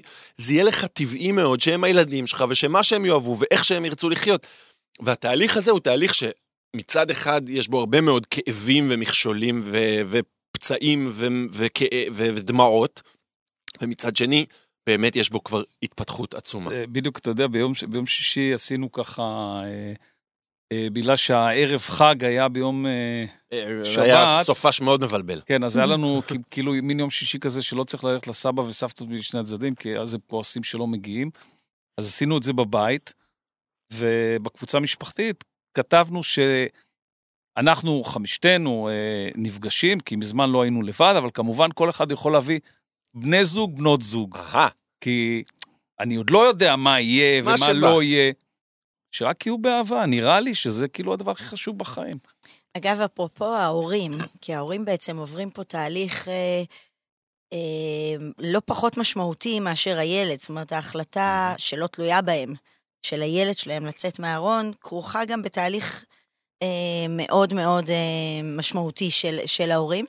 ואיפשהו קראתי שיש עכשיו, אה, לא זוכרת אם זה מטעמכם או לא, שיש עכשיו, אה, מקימים ממש קבוצות תמיכה להורים, כדי שהם יוכלו לעבור את התהליך בצורה אז- נכונה יותר. אז קודם כל יש כבר הרבה זמן ארגון שנקרא ארגון תהילה, הוא הוקם אה, על ידי הורים מרעננה, והוא עובד כבר אה, לא מעט שנים והוא מייצר הזדמנויות. היום אנחנו מייצרים קורסים להורים לנוער. זאת אומרת, תהילה, רוב ההורים שלהם הם באמת לחבר'ה קצת יותר מבוגרים, ואנחנו רוצים לתת את ההזדמנות אה, ל, אה, להורים לנוער וילדים, ואפילו ילדים לפעמים ביסודי, אה, לקבל כלים, איזה שאלות לשאול ואיזה לא לשאול, מה מותר, מה אסור, מה יפגע, מה לא יפגע, כי המון מהם פשוט לחוצים מזה שהם לא יצליחו. תגיד, אז, אה, אחד המשברים הכי גדולים שעברתם ב, בתקופה האחרונה זה כל, ה, כל פרשות המיטו בתוך הקהילה, שגם אה, גם הגיעו ממש עד למפתן שלכם. אה, גל אוחובסקי, צריך להגיד, הוא, הוא, החקירה נגדו הסתיימה ללא אשמה, אבל, אבל זה היה סיפור בכותרות, כאילו חלק, מה, חלק מההכלה של, ה, של השוויון, אז המיטו... אנחנו מקבלים את כן, הכל. אתה- את מקבלים את הכל, את הטוב ואת הרע. ואחד הדברים שהכי הרשימו אותי, אה, למרות שאנחנו מכירים ואנחנו חברים, אבל אני אמרתי לעצמי, לעופר יהיה הכי קשה. הוא מנכ"ל, אבל הוא גם חבר של כל מיני אנשים ש, שכותבים עליהם בעיתונים, וראיתי את העוצמה הזאת שאתה מופיע מול החניכים שלך, אפשר להגיד את זה ככה, כי כאילו צריך לתת להם מרחב בטוח תמיד. אה, זה היה חודשיים חרא, אה, מאוד. אני חושב שלמדנו מזה שלבושה, בושה וארון הם, אה, הם, וחושך הם דברים שאפשר לייצר בתוכם פגיעה. והמטרה שלנו בסוף, בלי קשר לפגיעות, היא שיהיה פחות חושך. ואז ככל שאתה מגביר אור וככל שאתה מייצר פינות שבהם הרי מה קורה לאדם שנפגע בקהילה הגאה? יש לו פעמיים בושה. הוא פעם אחת מפחד להגיד שהוא נפגע, והוא פעם שנייה, אם הוא, אם הוא בארון, שזה המון המון מהחניכים והצעירים שאנחנו עובדים איתם, אז הוא מפחד פשוט לדבר על זה. ואם הוא לא בארון, הוא מפחד שיגידו שהנה כל ההומואים סוטים וכל הלסביות מגעילות והם כולם נוגעים וברור שהטרנסיות זה ופה ושם. זאת אומרת, הבושה מת, מתיישבת פעמיים, ואני חושב שהלקח המאוד מאוד משמעותי שלנו מהתהליך הזה, זה שקודם כל אנחנו צריכים להבין שיש לנו כל הזמן, גם בתוך החיים שלנו, כל מיני פינות שאנחנו חייבים להאיר בזרקורים חזקים יותר. ושנית, ש...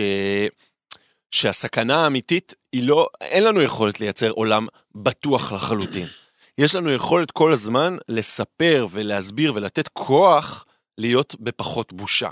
וזה כאילו המשימה הכי הכי הכי מרכזית שלנו. אתה יודע, אני, אני חושב שדווקא, ברור שזה זה, זה, זה פרק מזעזע בכל האירוע הזה, אבל יש משהו שדווקא בעיניי הקנה איזשהו סוג של לגיטימיות לאירוע הזה, כי אתה אומר, תקשיב, הרי, הרי אנחנו חיים היום, אתה יודע, אני מספיק שומע, ואז, ואז בסוף פתאום אתה אומר, רגע, כשיש משבר מהסוג הזה, אז הנה הטיפול הוא, הוא, הוא חד משמעי ונחוש, ו, וזה כן מקנה, אני חושב ש... אני לא יודע עוד פעם, אני לא מכיר את המספרים, אבל דווקא בטווח הקרוב, ובטח בטווח הארוך, זה ייתן יותר ביטחון לנערים, נערות, או בכלל אנשים יותר מבוגרים, להפסיק לפחד ממה שיגידו עליהם ולהבין שכן יש...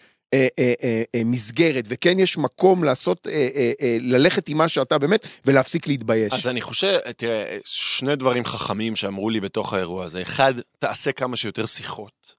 הכלי המשמעותי ביותר שלך הוא שיחות, אה, לא צריך הרבה להתראיין ולא צריך פה, צריך לדבר עם אנשים, עם המתנדבים, עם ההורים, עם התורמים, עם משרדי הממשלה, לדבר. זה דבר אחד. ודבר שני, אנחנו ניגשנו לשופטת אה, אה, המחוזית בדימוס אה, נאוה בן אור, ואמרנו לה, בואי, בואי תסתכלי. אנחנו מבינים שהעין שלנו היא עין לא מספיק אה, חיצונית. חיצונית לאירוע הזה, ואנחנו צריכים עוד עין. בואי תסתכלי, ואנחנו לא אומרים לך על מה להסתכל, כי איך היא אמרה לי בשיחה השנייה שלנו, בשיחה הראשונה היא שמעה, בשיחה השנייה אמרה, I do, ואני לא עובדת אצלך. זאת אומרת, אה, קח בחשבון. אה, כן, קח בחשבון שאני סגנית אה, פרקליט המדינה אה, פלילים, כן, הייתה אני משנה שופטת לפרקליטת מחוזית, המדינה, כן. בדיוק, משנה פרקליט המדינה, אה, שופטת מחוזית שהכניסה הרבה אנשים לכל מיני מקומות, אני לא עובדת אצלך. והיא היא הולכת לפרסם את המסקנות או את הדוח שלה בעוד כמה שבועות. ואחד, באחת השיחות שלנו היו מעט שיחות במהלך התהליך, כי באמת השת, השתדלנו לייצר איזושהי הפרדה. אבל באחת השיחות היא אמרה, תראה, אני מרגישה שאני עושה עם הקהילה מסע של, אה, אה, של מעבר מדור מדבר לארץ מובטחת. כאילו המון שנים הקהילה היא איפשהו בין ההסכמה ללא הסכמה, היא איפשהו בין האור לחושך. חלק מתהליך של יציאה לאור זה לדבר בקודים שכולם מבינים, ולסדר את המערכת ככה שהיא תהיה נהירה לכל אימא ולכל והיא- אבא והיא ולכל הולכת אחד. בעצם לייצר קוד התנהלות, קוד התנהגות. אני עוד קוד- לא יודע בדיוק עוד לא מה היא. תכתוב, אני יודע שהיא... לא, אתה יודע אבל מה המנדט שלה. המנדט שלה אה, הוא... הוא Do whatever הם, you want. בסוף, מה היא אמרה לנו? היא אמרה, אנחנו נהיה ועדה מייעצת, אנחנו אוקיי. נהיה צוות מייעץ. כן, אבל ברור שההמלצות שלה יתקבלו. אה, שאתם תאמצו אני אותם. מאוד מאוד מאמין שכן, אין שום, אני לא רואה שום סיבה שלא, זה המטרה, אבל הרעיון של הייעוץ הוא באמת איך, איך עושים את התהליך הזה של יציאה לאור, של בניית קודים אחראיים לכולם, ו...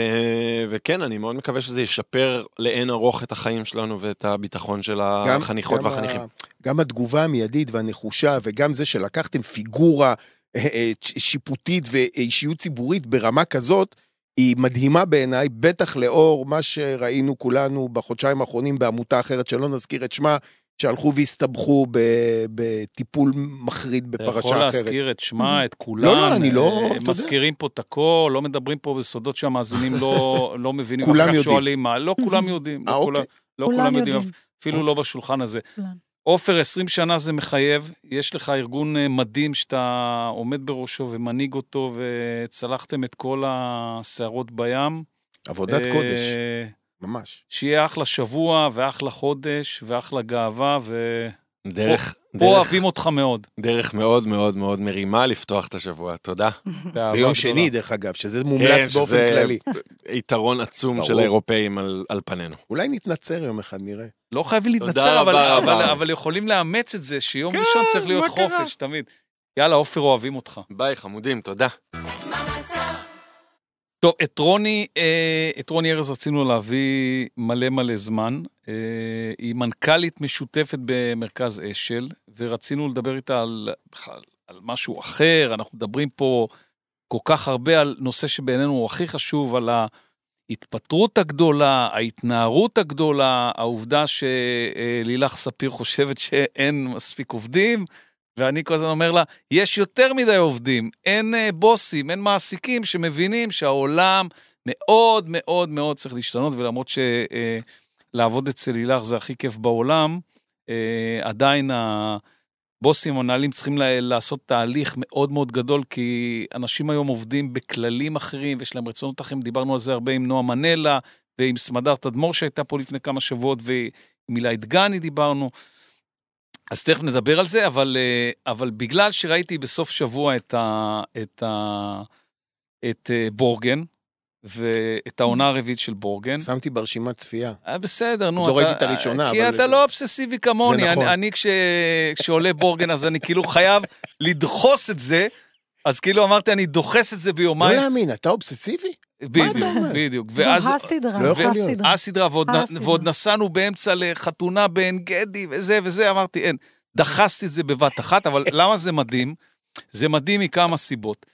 אה, קודם כל, עברו עשר שנים מאז הצילום של העונה השלישית, אז זה ממש נתנו לראות שעברו עשר שנים, פתאום כל הגיבורים, או עם שיער לבן, או קרחים, או עם קמטים, הם לא תיקנו את זה ולא סידרו את זה, הם נתנו לראות שאנשים מאוד התבגרו, שזה מאוד יפה. וגם ה, ה, זה כתוב צרחות.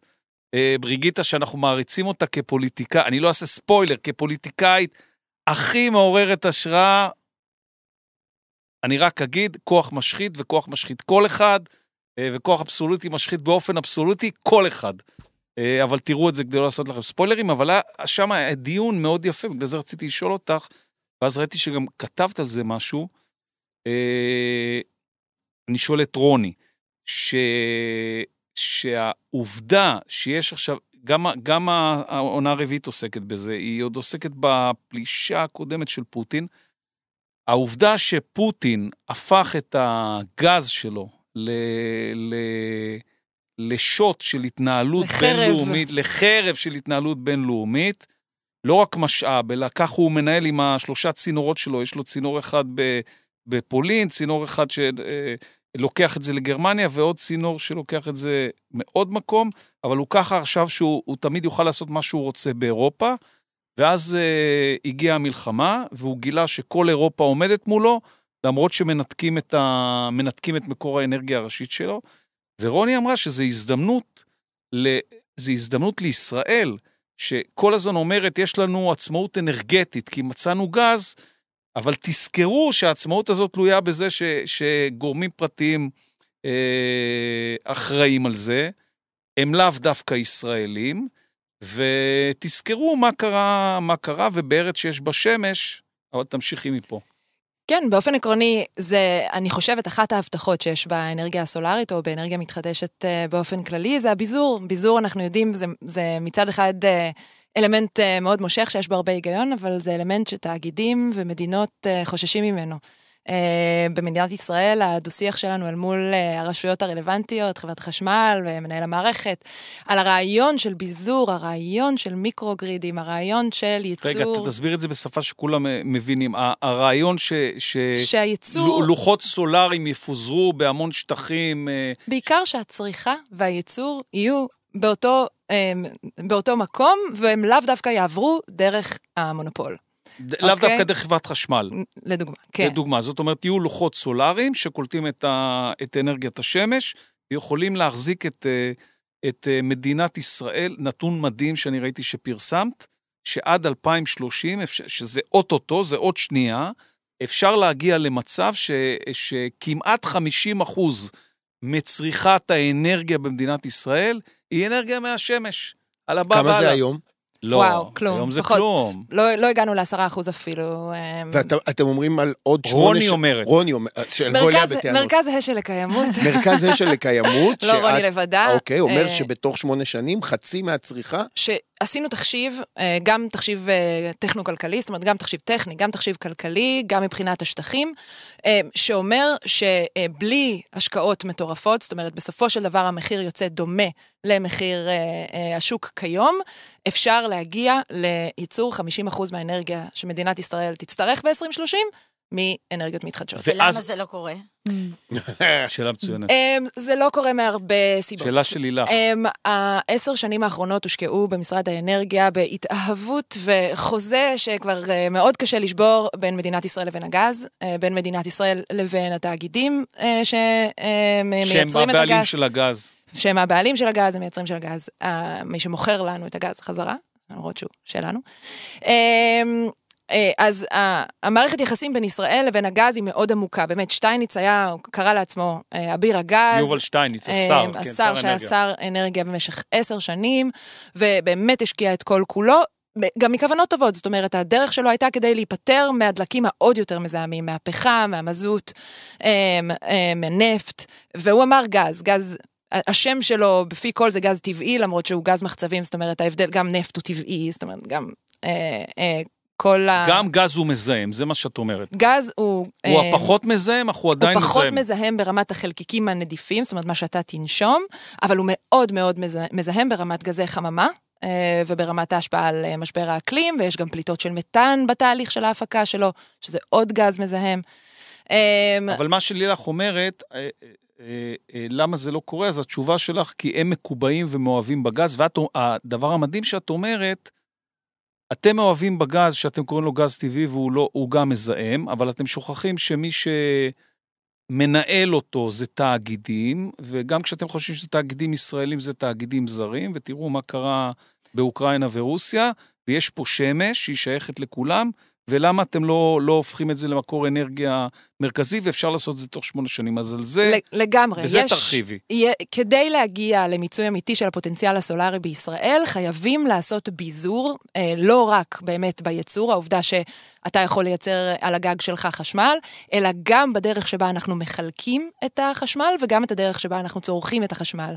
כי בסופו של דבר, אם כולנו נייצר על הגגות שלנו חשמל, והכל יצטרך להגיע לחברת חשמל, וחברת חשמל תצטרך לפזר את זה מחדש, זה עומס מטורף על המערכת. זה גם יקר, זה גם כמעט בלתי אפשרי, צריך ל, אמ, למתוח קווי מתח גבוהים, וצריך המון המון השקעה. אז מה, צריך להקים. חברת חשמל של אה, הרעיון הוא... סולארים? זאת אומרת, צריך איזושהי דמוקרטיזציה קצת יותר עמוקה של משק האנרגיה בישראל, וצריך לאפשר, צריך לקחת את הרגולציה, להסתכל לה בלבן של העיניים ולאפשר עוד דרכים אה, לייצור ולצריכה של חשמל למשל בישראל. לראשי רשויות? למשל לרשויות, אנחנו עשינו מחקר גדול גם ברשויות ערביות, ברשויות חרדיות. העובדה, אם ייתנו לרשויות לייצר חשמל לעצמן, זה יעשה מהפך ברשויות שכיום אין להן שום דרך לייצר אה, הכנסות.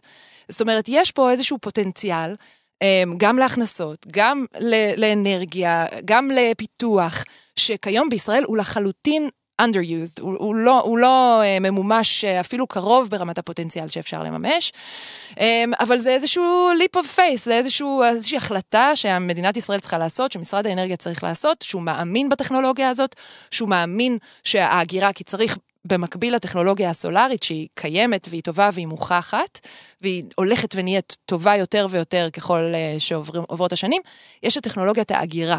טכנולוגיית ההגירה היא טכנולוגיה קצת יותר מורכבת, שהיא אה, אה, בפיתוח, יש כיום סוללות של אה, טסלה גם בישראל, יש אה, מפעל, מפעל שורש, הסנדלים. את יודעת שמיקי חיימוביץ', סליחה שאני אתפרץ, היא לקחה אותי ל... מיקי חיימוביץ', היא גם אה, קשורה למרכז האש שלי. היא היושבת ראש, אה, ועד. המנהל שלי. והוועד ה- שיושבת ראש, היא לקחה אותי לסיור בסנדלי שורש, במפעל שרוני הולך לדבר עליו עכשיו. הוא הראשון בישראל שמכניס מכניס את הטכנולוגיה הזאת של אה, לוחות סולאריים, שמהם אוגרים בעצם אה, אנרגיה או חשמל לתוך בטריה, כי איך אתה מייצר מצב שמפעל שהוא מייצר אה, כמה אלפי סנדלים בשנה, והמפעל צריך להמשיך לייצר את אותם סנדלים, ולא כל ימות השנה יש, יש אנרגיה סולארית, וצריך לעבוד 24/7, וצריך לעבוד גם בחושך וגם באור, אז זה הבטריה שרוני מדברת עליה. מפעל שורש כעיקרון הגיע למצב שאם הם רוצים, מחר בבוקר הם יכולים להתנתק אה, מחברת נכון. חשמל ולהיות עצמאיים אנרגטית, שאני חושבת שלהרבה רשויות בישראל זה מצב שהוא, בוא נגיד, אה, גורם להם לזוז באי נוחות אה, ב... בכיסא. זאת אומרת, זה איזשהו אה, שיפט מחשבתי שחייבים, חייבים, חייבים, אין ברירה לעשות בישראל, כדי שלא נצטרך להיות תלויים עד אין קץ בגז, כדי שלא נצטרך להמשיך לשרוף ולפזר גזים רעילים, כדי שנוכל להיות באמת עצמאים אנרגטית, כדי שנוכל גם להגן, גם עצמאות ביטחונית. כיום המפעל, הגז, האסדות, הם מטרה, כן. אה, הם מטרה ככה הכי בולטת, ובואו אה, אה, תעשו פה נזק אה, שבאמת, שאם טיל יפגע בהם, אז זה. יפסיק לעבוד, לא, נכון? לא צריך טיל, אפשר גם מלמטה. רגע, אני דווקא רוצה לשאול, כי חיברת את זה, זאת אומרת, זה מתחבר אצלי, פתאום רציתי לשאול אותך קודם, אמרת על 20, 30, 50 אחוז אה, זה. ואני רציתי לשאול... 20, 30, 50 50 אחוז כן. מהצריכה האנרגטית של ישראל יכולה להיות מסופקת כן. אז אני. שואל את עצמי, רציתי לשאול אותך, אוקיי, הבנתי, מה זה אומר ברמת היום-יום? איפה נרוויח מזה? ואז את אומרת, פתאום מפעל שורש, שזה לא איזה פיצוצייה, זה חתיכת אה, מפעל ענק, עובר, יכול מחר לנתק את החשמל, ואני לא, אני מניח שזה עושה להם פלאים לרווחיות, אבל מה זה, אבל תרחיבי רגע טיפה על מה יכול לקרות ב-2030 בישראל, אם באמת יתממש החזון הזה של 50 אחוז ייצור. בעיקר בהקשר של מה שאמרת של אה, רשויות ערביות וחרדיות, שהן כן. פתאום יכולות להיות עם הרבה מאוד כסף בקופה. ואם אני, אני רק רוצה להוסיף למה שאיתי אמר, אם ת, תוכלי לה- להסביר גם מה לא מבינים במשרד האנרגיה ובמשרדי הממשלה. כלומר, למה אין איזושהי החלטה? מקובעים, מקובעים, היא אמרה, מה הם לא מקובעים. מבינים שאתם אנשים, מבינים? יש הרבה אנשים טובים, גם במשרד האנרגיה, שגם הם מבינים וגם הם, אה, אה, זאת אומרת, יש שם רצון, באמת, המנכ"ל החדש הוא אה, אה, אדם, ליאור שילת, באמת מעורר השראה, כבר נפגשנו איתו כמה פעמים, אה, הוא איש מאוד פתוח. ואינטליגנט, זה, זה קשה. זה קשה בגלל שיש כל כך הרבה מנגנונים שבנויים סביב הדרך שבה אה, הכל קורה כיום. וזה קורה גם בגלל המערכת היחסים המוזרה שנוצרה בישראל בין משרד האנרגיה, רשות החשמל, חברת החשמל, כיום כבר יש מנהל המערכת, זה עוד איזה גוף שנכנס, הוקם לאחרונה. זאת אומרת, הדרך הבירוקרטית שבה ניהול האנרגיה קורה בישראל מאוד מאוד מקשה על הקונספט הזה של ייצור וצריכה אה, מבוזרים של אנרגיה. אז זה לשאלתך. אה, אה, לשאלתך, כשאת איך... אומרת מבוזרים, את מתכוונת שיהיו בכל כ- מקום. יהיו כמה בלבטים, זה כן. לא יהיה בן אדם אחד, זה לא יהיה חברת חשמל אחת, זה יהיה מבוזר. אוקיי, עכשיו למהפכה החברתית מבחינת שזה יכול לעשות. החזון, החזון היא בעצם כל בן אדם עם גג מספיק גדול, שלא לומר על יישובים אם רוצים לנהל את זה ביחד, כי זה יותר חכם, אם מסתכלים באירופה או במקומות שעשו התקדמות משמעותית עם הנושא הזה, זה בדרך כלל יישובי או אזורי, יכולים להיות אה, תחנת כוח קטנה, תחנת כוח קטנה שאינה מזהמת, שכל הערך הכלכלי חוזר חזרה לקהילה, שבעצם צריך מעט מאוד השקעות כיום, יש באמת הלוואות מאוד נדיבות וכל מיני הסדרי תשלומים, כי בסופו של דבר כולם, גם המשקיעים, מבינים שזו השקעה מאוד נבונה. כיום, אם יש לכם גג, באמת, תתקינו מערכת סולארית. ההחזר רגע. השקעה הכי טוב שתוכלו לעשות, רגע, מה יותר שאת טוב מקופת אומרת, גמל. נגיד אם היום היית ראשת עיריית אה, תל אביב-יפו, היית יכולה להפוך את הגגות של תל אביב-יפו לגדו- לגגות עם אה, מתקנים סולאריים, שלא מפיצים אה, אנרגיה שגורמת נזק, אבל מייצרים חשמל לכל תל אביב בעצם, ואולי גם לערים אחרות, ואז מרוויחים כסף. תל אביב זה מקרה אה, מאוד מיוחד, בגלל שערך הנדל"ן בתל אביב, גם גג פה. הוא אוקיי. ה-opportunity לא, cost, לא. התחרות של מה אפשר לא, לעשות אבל עם יש הגג. הרבה מגדלים. אבל, אבל באמת, לא, גם המגדלים, כמות אוקיי. האנשים שמתחתיהם אוקיי. אל, ביחס לגג, בוא נגיד, נשים רגע את תל אביב והמרכז אוקיי. הצפוף שנייה בצד, אבל עמק יזרעאל, אוקיי? מועצה אזורית, הרבה חממות, המון לולים, המון אה, אה, אה, מתקנים, חלקם בשימוש, חלקם לא בשימוש.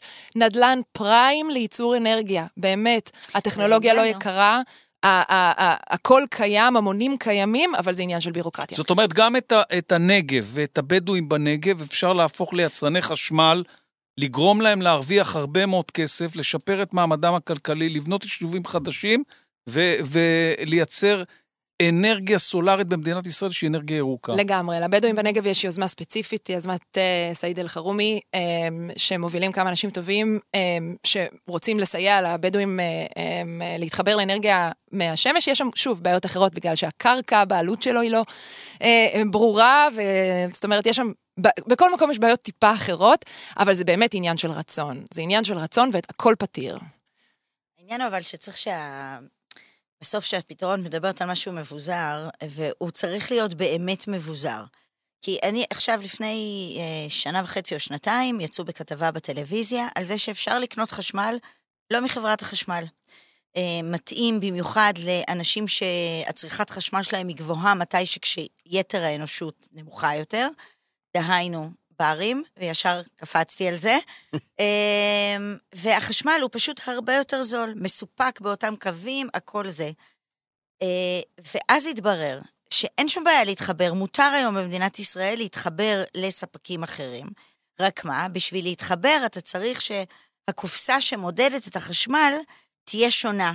והקופסה שמודדת את החשמל, הדבר הכי טכני שעושים בארבע שניות, היחידים שמורשים להתקין את זה זה חברת חשמל.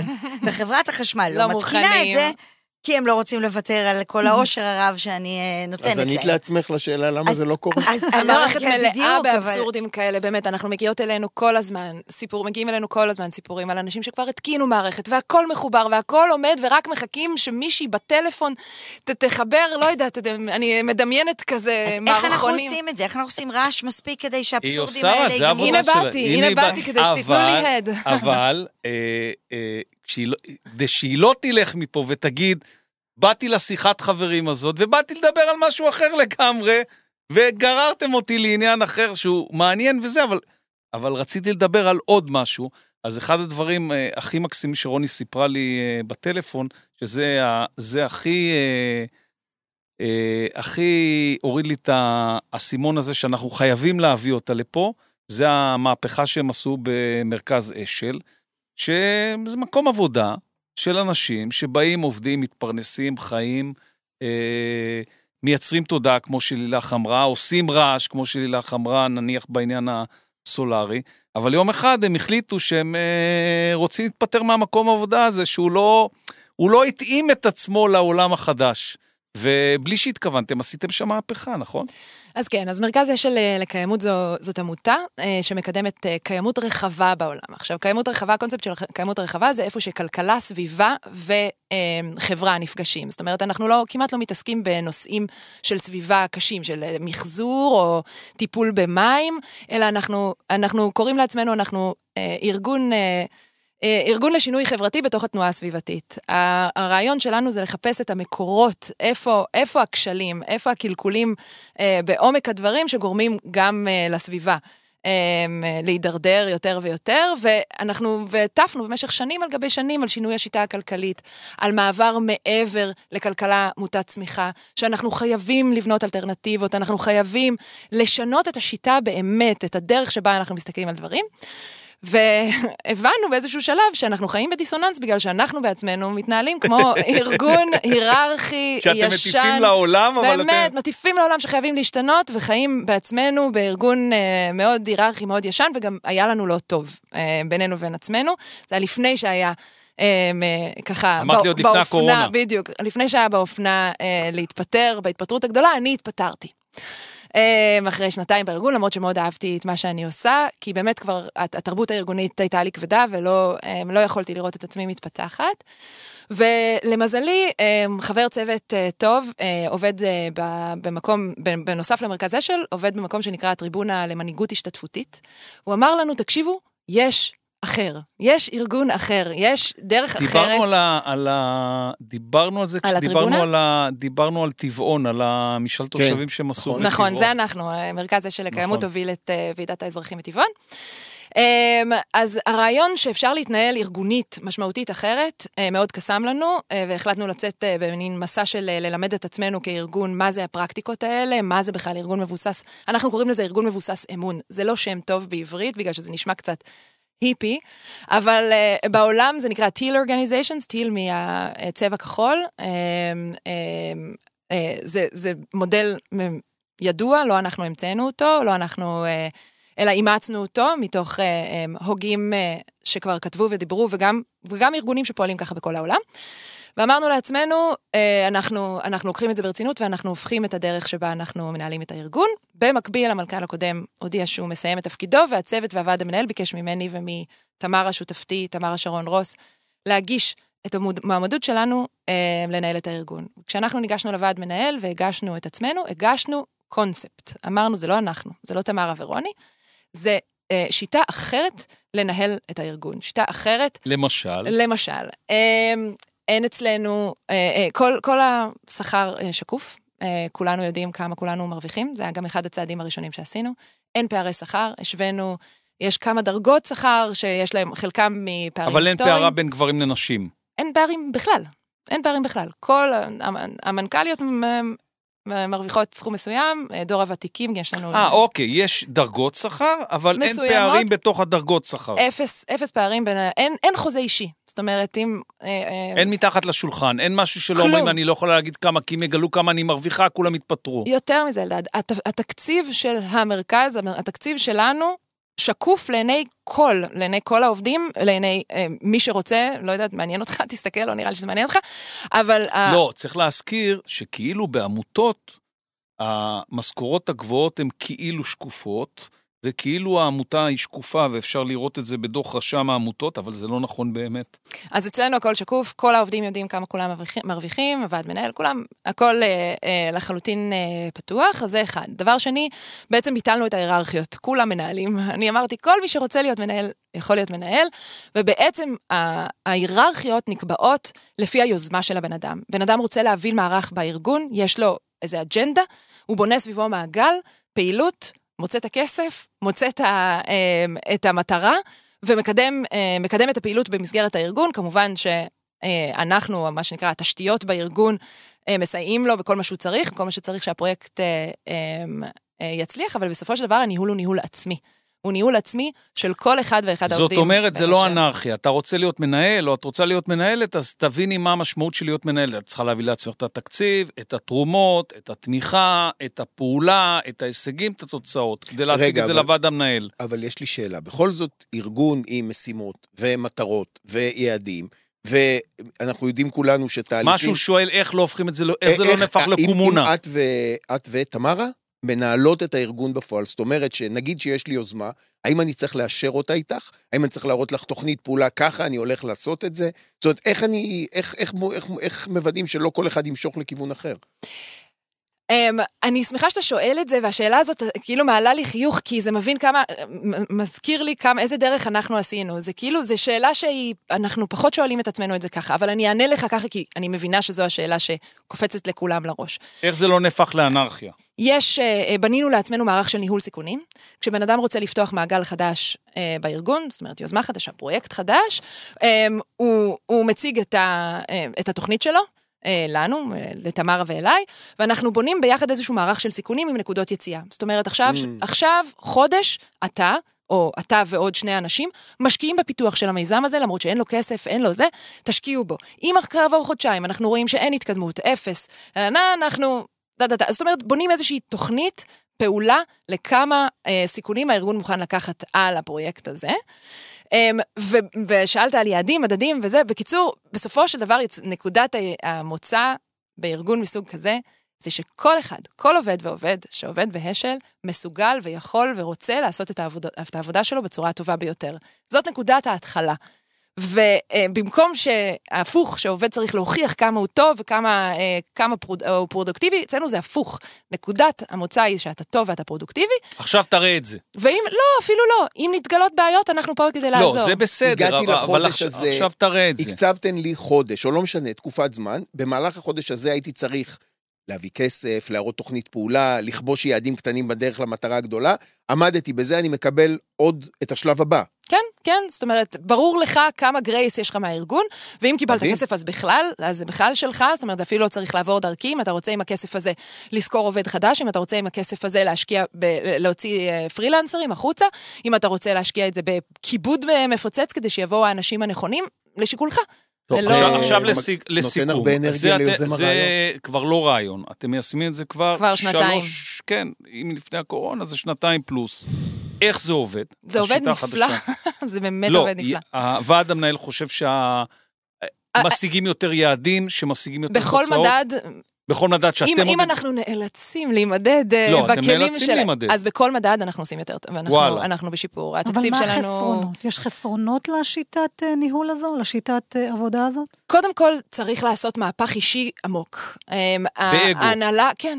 כן, ההנהלה, מי שניגש לזה, צריך לגשת לזה ממקום לחלוטין אחר אה, ממה שמנהל רגיל. אני חושבת שמה שהיה טוב אצלי ואצל תמרה, כשאנחנו ניגשנו לזה, היה לנו כל כך... אני, אני אגב, בזמנו הייתי הבן אדם הצעיר ביותר בארגון, כשיש בארגון אנשים שעובדים בו גם 25 שנה.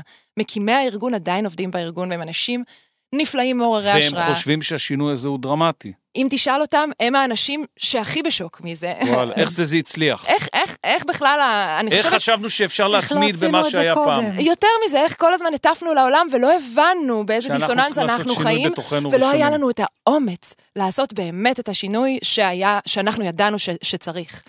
אז, אז בגלל שאנחנו באנו מעמדה של ענווה, הייתי הכי צעירה, הכי, אה, אחת החדשות בארגון, לא, לא מאוד מנוסה, אז ידעתי מראש שאני הולכת לנהל את הארגון במרכאות, אני עושה פה עם ה...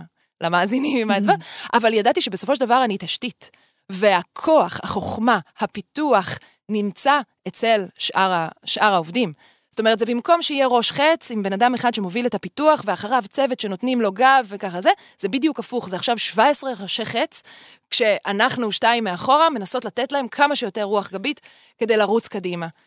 אה, וזה מוכיח את עצמו בצורה שבאמת... קוראים לזה מנהיגות אה, מאפשרת. קוראים לזה מנהיגות נשית. אני לא אמרתי את זה, אבל... אה, רוני, את מדהימה. תודה רבה. את תהיי פה עוד. לכי לרכבת שלך כדי שתספיקי אותה. היית מעניינת זה רכבת ומרגשת. על גז? אה, אני היא- חושבת שהיא עכשיו סתם. בהתחשבנות. קודם כל, קודם כל זה תחבורה ציבורית, זה כבר טוב ואנחנו כבר בעד וזה אני, תחבורה אין לי אוטו שיתופית. ומעולם לא היה לי אוטו. אה, גם לי. וזה כבר להראות דוגמה. אישית במשהו שהיא עושה, זה מאוד יפה. נכון. אה, ולך ולתמרה, מברוק ומנהיגות נשית, זה העתיד, ותראי בורגן, מנהיגות נשית. כן. אני לא רוצה לעשות ספוילרים יותר אבל מזה. אתה עושה רק ספוילרים. עד לא, לא, שהכוח אני לא ישחית גם. אותי.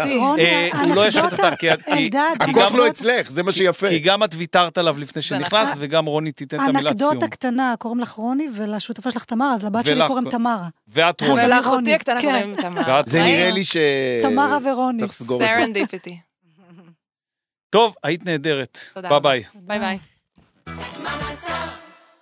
טוב, אנחנו מתים על אה, איתמר פיק, אבל ממש התגעגענו למיתר. די, תמשיכו. עכשיו, להיות אה, ו- עכשיו, עזבו שאני אני stalker שלה ב, באינסטגרם, ואני לא מבין איך אתם לא stalker ים שלה באינסטגרם, כי אם הייתם stalker ים שלה באינסטגרם, הייתם מבינים שהיא דודה. יאה. אבל היא דודה מאוהבת, היא דודה מאוהבת, מאוהבת? מסוף השבוע הזה היא דודה. הילדה הכי חמודה בעולם בערך. מה שמה? ממש. לילי. והיא והיא הבת של אחותך, לא, של אחי.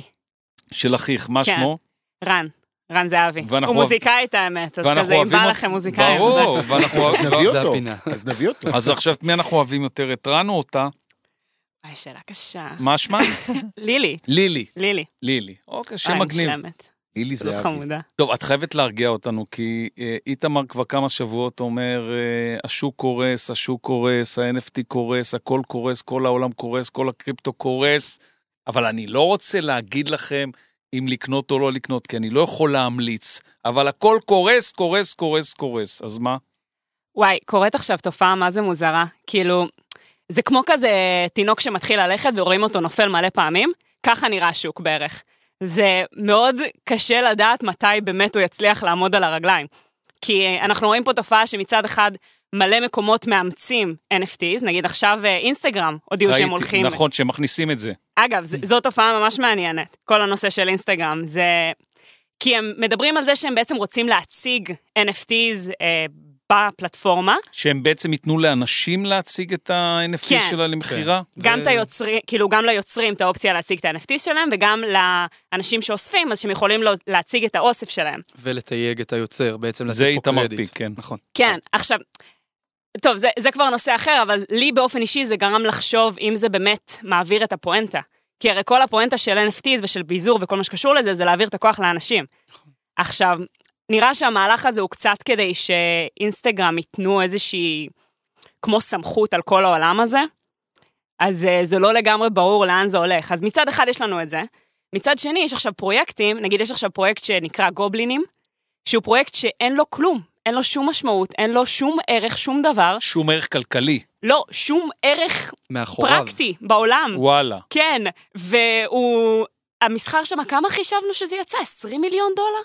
או 200 מיליון דולר? שמה שמה 200 מוכרים, מה מוכרים. ומה קונים. כן, זה היה מספר... לא כלום. תמונות של גובלינים שעושים מה זה אה, רעש גובלין? מוזר. גובלין, החיה, היצור, אז עשו תמונות, אה, ולא... אני פשוט מדור אחר, אז מה זה התמונות- לא, גובלין? זה, אתה יודע, זה כמו ז'אנר גרמלינים כאלה. אה, אוקיי. קצת, כן. כאילו יצ- יצורים מוזרים כאלה, ומוכרים אותם. בסכומים הזויים, ואף אחד לא יודע מי עומד מאחורי הפרויקט, ומה שהם רשמו בטייטל, שמה זה סכומים הזויים? בכמה קונים גובלין כזה אחד? כרגע בסביבות ה-5.6 איתריום, להכפיל משהו ב-1900 כמו- דולר לאחד. אז תכפיל את זה, כן. תכפיל את זה. אנחנו מדברים פה על מה זה, 7,000 כן, ומשהו כמעט- דולר פלוס מינוס. על מה? על- 8,000 על דולר. גרמלין אחד כזה? על גובלין. אחד. גובלין אחד. לא יותר, מה אם. אנחנו כפול 2,000?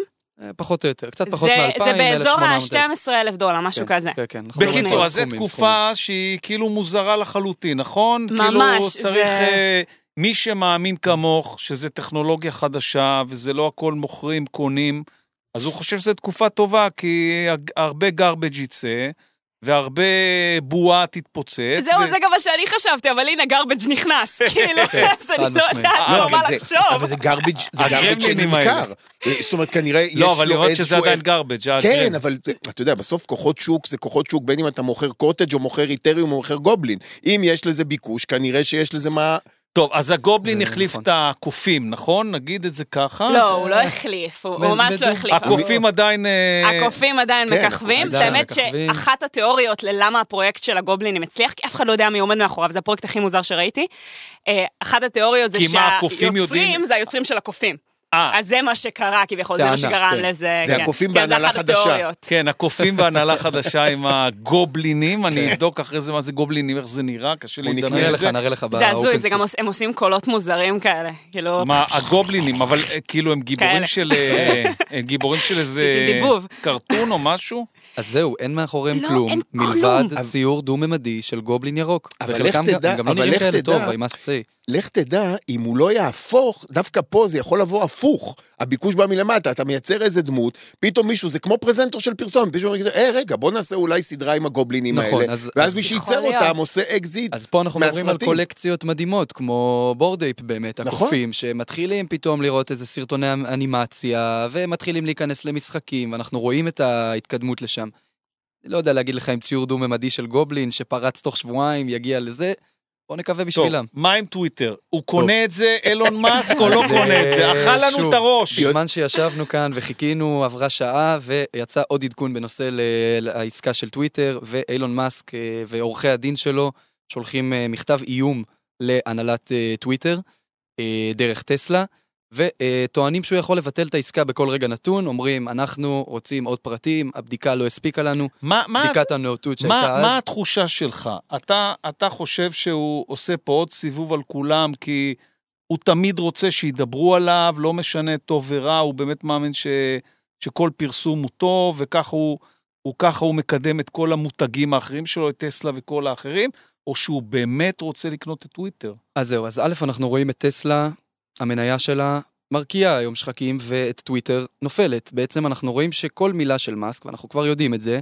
משפיעה על השוק, משפיעה על המניות, על החברות שבהן הוא מושקע, מאמין, לא מאמין. Uh, התחושה שלי, בעיקר שאילון מאסק כרגע משאיר את השוק במצב מאוד מבלבל. יש הרבה גורמים שתלויים בזה, בעסקה הזו, והרבה כסף שתלוי פה, uh, ולראות את המניה של טוויטר ב-38 דולר, זה לא הדבר האהוב עליי. שהיא צונחת מאוד. כשהיא צונחת, עכשיו אנחנו מדברים על זה והמניה שהמניה של טסלה עולה, עולה, מאוד. עולה, אומרת- ביום, יומיים האחרונים זאת של אומרת, המסחר. אילון מאסק שלא מאמין בלפרסם בכסף, אלא מאמין בלפרסם בלעשות רעש ופרובוקציות נכון. ומניפולציות. וזה עובד לו. זה עובד לו, עובד זה לו, ממשיך לעבוד עובד לו. לו. כוחות השוק, כמו שאנחנו אומרים. והנה, איתי הזכיר גם את, ה, את הציוצים המוטרפים שלו בסופש, על אה, כן מגייס, לא מגייס, לא, הוא מפטר, לא אמר- מפטר. הוא אמר בהתחלה שכל החברות שבשליטתו אה, יפסיקו, בעקבות החורף שהולך להגיע להייטק ובכלל, יפסיקו את הגיוסים, שלא לדבר על זה שיהיה החורף, הכוונה לזה החורף שהולך להגיע הכלכלי, תקופה כן. לא טובה. המיתון העולמי, ואז פתאום, אתמול, ש... אני לא זוכר מתי ראיתי, הוא אומר, לא, אנחנו נגייס מאות ואלפים אנשים חדשים. עכשיו, דיברנו על זה, איתמר ואני, לפ... זאת אומרת, אני לא מדבר, אני מאשר את הדעות שלי עם איתמר, כי אני לא מבין כלום, אני צריך שאיתמר יאשר לי. אבל זה נראה לי שיותר מדי אה, כוח מרוכז אצל בן אדם, שבוא נגיד, אני לא בטוח שהוא לא צריך להיות קשור למיטה ולקבל מכות חשמל באיזה מקום, כי כל כך הרבה כסף זז, אה, אה, קודם כל כסף נמחק, כסף נוצר, בעקבות כל מיני טירופי אה, אה, קוקאין בקולה, שהוא פתאום מחליט לצייץ. עכשיו אבל, זה... אבל הוא מרוויח, נכון? הוא כל הזמן, זה עובד לו. אילון מאסק מרוויח, ויותר מזה, העסקה שלו, שהוא... אה, אנחנו לא יודעים אם הוא רוצה או לא רוצה, של טוויטר, כרגע במחיר אה, הרבה יותר טוב ממה שהיה לו בהתחלה, אז אתה בסופו של חושב, דבר. אתה חושב, אני לא יודע, אתה יודע, זה נשמע הגיוני, כי הבן ב bottom אדם, line, הבן אדם 15 צעדים לפני כולנו תמיד. נכון. יכול להיות שהוא עשה את כל האירוע הזה בשביל להוריד את מחיר המניה? תשמע, יש פה או להוריד את מחיר המניה, או לצאת כבר מהעסקה הזו בצורה הכי נקייה שהוא יכול. אנחנו כבר לא נשארים פה עם אופציה שלישית, הוא לא רוצה להרים את מכמה ה... היא ירדה ל-38 דולר? 58 אם אני לא טועה, 56. זה הון, זה... כמות היסטרית של אה, כסף שנעלמה. מה, את מעריכה לגבי שוק הקריפטו וה-NFT שבו את מבינה במיוחד? מה, לאן את חושבת שזה הולך? אני חושבת שאנחנו כרגע רואים אה, איזשהו סוג של אה, התהוות כזאת. זה ייקח זמן, כמו כל שאר השווקים. יש נכון. אה, עכשיו נפילה שכזה, כולם מנסים להבין מה אבל הולך זה לקרות. הנפילה הכי גדולה והכי ארוכה, נכון? נראה ככה, כן. זה, זה, אני חושב שזה כאילו... זה בא אחרי תקופה שהשווקים עלו ועלו ועלו ועלו, ואנחנו מדברים פה מ-2020 בערך, או לפחות תחילת 21, שכמעט ולא חווינו נפילות, בשום שוק. כאילו, שימו לב שדהרנו עם מחירים קדימה, וזה נקרא בשוק תיקון. חייב להיות תיקון. אם מניה עולה ככה, היא תרד טיפה, אם היא עולה למעלה, היא צריכה. לרדת. או שהיא כן. תרד אז, אחרי אז זה. מה את אבל- חושבת, מיתר, שיהיה פה תיקון? ברור, השאלה מתי. כי, כי אין מה לעשות, תקשיבו, הטכנולוגיה של הקריפטו, דיברנו על זה כמה פעמים, זה לא משהו שהולך להיעלם מהעולם, זה, זה רק הולך הטכ- להתפתח. בעיקר הטכנולוגיה של ה-NFT. לא, בכללי, כל הטכנולוגיה של ה-Web 3 היא מרתקת. זה, כל הנושא הזה הוא פשוט מדהים, NFT זה רק דרך אחת לממש את זה. עכשיו, השאלה היא באמת לאיזה כיוון זה ילך, כי כרגע כל הנושא של הפרופיל פיקצ'ר, שזה התמונות פרופיל, כל הקופים וזה, הקופים והחדשים, איך עוד פעם זה נקרא? גובלינים, גובלינים. גובלינים. זה הזוי, זה באמת פרויקט הזוי, אני- אין לי מושג איך הוא הצליח, בואו לאף לא אחד אין ניתן פה מושג. יותר מדי במה לגובלינים כן. לא, לא, אנחנו שלא בסוף עוד יחשבו. יצליחו. אנחנו ניתן במה, כן. אה, אז אנחנו באמת רואים שכל העולם של הפרופיל פיקצ'רס מתחיל להיעלם, וזה נהיה כמה שיותר באמת אה, דברים שימושיים, כמו שאמרנו, ואז הגיע גובלינים ששבר לי את כל התיאוריה. אה, נראה, נראה איך הולך. זה היופי אני בעצמי. צופה כרגע. מיתר, פיק, דודה מיתר, דודה של לילי, הבן של רן. בת. הבת של רן, מברוק. תודה רבה. טוב, נראה מה יהיה. בשבוע הבא. טוב, אחרי תקופת הרצה הבנו שה, שהפינה של אה, אה, חדש בפלייליסט, או אתם חייבים בפלייליסט, לא אני ולא איתה יכולים לעשות את זה, כי אנחנו עם כל ה... זה שאנחנו פה עם קעקועים ועם צמידים, ועם זה מחזיקים מעצמנו, כאילו זה, אנחנו fucking בומרים, כאילו... הדודאים. הדודאים, בדיוק, הדודאים או זה. אז, אה, אז אמרנו, זה הזמן נחתים טאלנט. להעביר, להעביר, אה, להחתים טאלנט, אז החתמנו את איתי דגני. איתי, אילי דגני? לא אילי. אילי דגני, אילי דגני, לא, קפץ לא, לי נכון, מאיתי וזה. זה אילי גלאון פה. זה, כן. זה אילי גלאון וזה אילי דגני.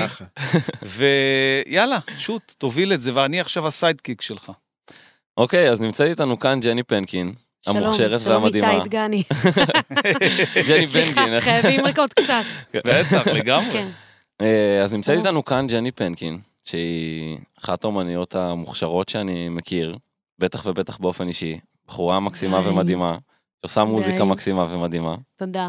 אמ, ואני רוצה, לא, באמת, אני, יש, יש לי. הרבה, הרבה מה להגיד על, ה, על המוזיקה שלך, ואני יותר רוצה לשמוע ממך על התהליך היצירה שלך, שזה קטע, אנחנו ממש היינו פה למטה, בזמן שחיכינו. אה, בזמן כדי- שחיכיתם שיגיע התור שלכם. בזמן שהגיע, חיכינו שיגיע תורנו. אה, וג'ני בדיוק חזרה מסשן כתיבה, ואנחנו מוצאים את עצמנו יושבים על האופנוע של, אה, של איתמר פיק, אה, וכותבים ביחד את השירים של ג'ני. כן, אז, לא, אה, זה... לא, אמרתי לו, אני גם, אני חצי איתך וחצי מחפשת חרוזים. חצי, כאילו, בכלל... לא, הוא אומר, יש עיכוב וזה, ואני, אוקיי, סבבה. אז כאילו, ממשיכה לכתוב. אם יש כמה דקות, אז בואי נכתוב. אה, אם אתה. בראש, זה כמו, אה, אה, לא- אגיד כמו מדיטציה, אבל אם אתה בתוך לא יודעת, נגיד, אם את בתוך כתיבה. בתוך משהו, כן, זה יכול להיות כתיבה, זה יכול להיות, תן לי רגע לסיים, למצוא לפחות חרוז למשפט הזה, כאילו, אני שנייה צריכה לסיים. בראש שלי, אני לא יכולה להתקדם לדבר הבא עד שאני לא אסיים. זה אוקיי. גם יש לי OCD על, על אמת, לא כמו שסתם אומרים, אז זה גם, אבל לא משנה, זה כן, פשוט עכשיו הייתי כולם- בתוך... כולם אומרים שיש להם. זהו, שילכו. להזדהן. לא. לי יש OCD. רגע, אה, אה, אה, סליחה, אל תלכו להזדהן. כאילו, לא, תלכו. תלכו, תלכו, אבל... זה כיף, אבל זה באמת, כאילו, זה אמיתי, ואני מתמודדת עם זה מגיל, לא יודעת מה, שמונה, כאילו. וואלה, רטלין כן, וכאלה. לא, איזה רטלין, זה לא- OCD. אה, לא, לא. הבנתי, הבנתי, שיש טקסים. הבנתי, הבנתי, הבנתי. שיש טקסים הבנתי, שמגרשים מחשבות רעות. הבנתי. רוצה לספר לנו על הטקסים שלך? נועל את הדלת שבע פעמים. זהו, אז אני לא נועלת את הדלת, שום דבר הגיוני אין פה. זה, יש מין כזה שמסתכלים שמאלה, אצלי, אני מסתכלת שמאלה חמש פעמים. חמש זה המספר שלי.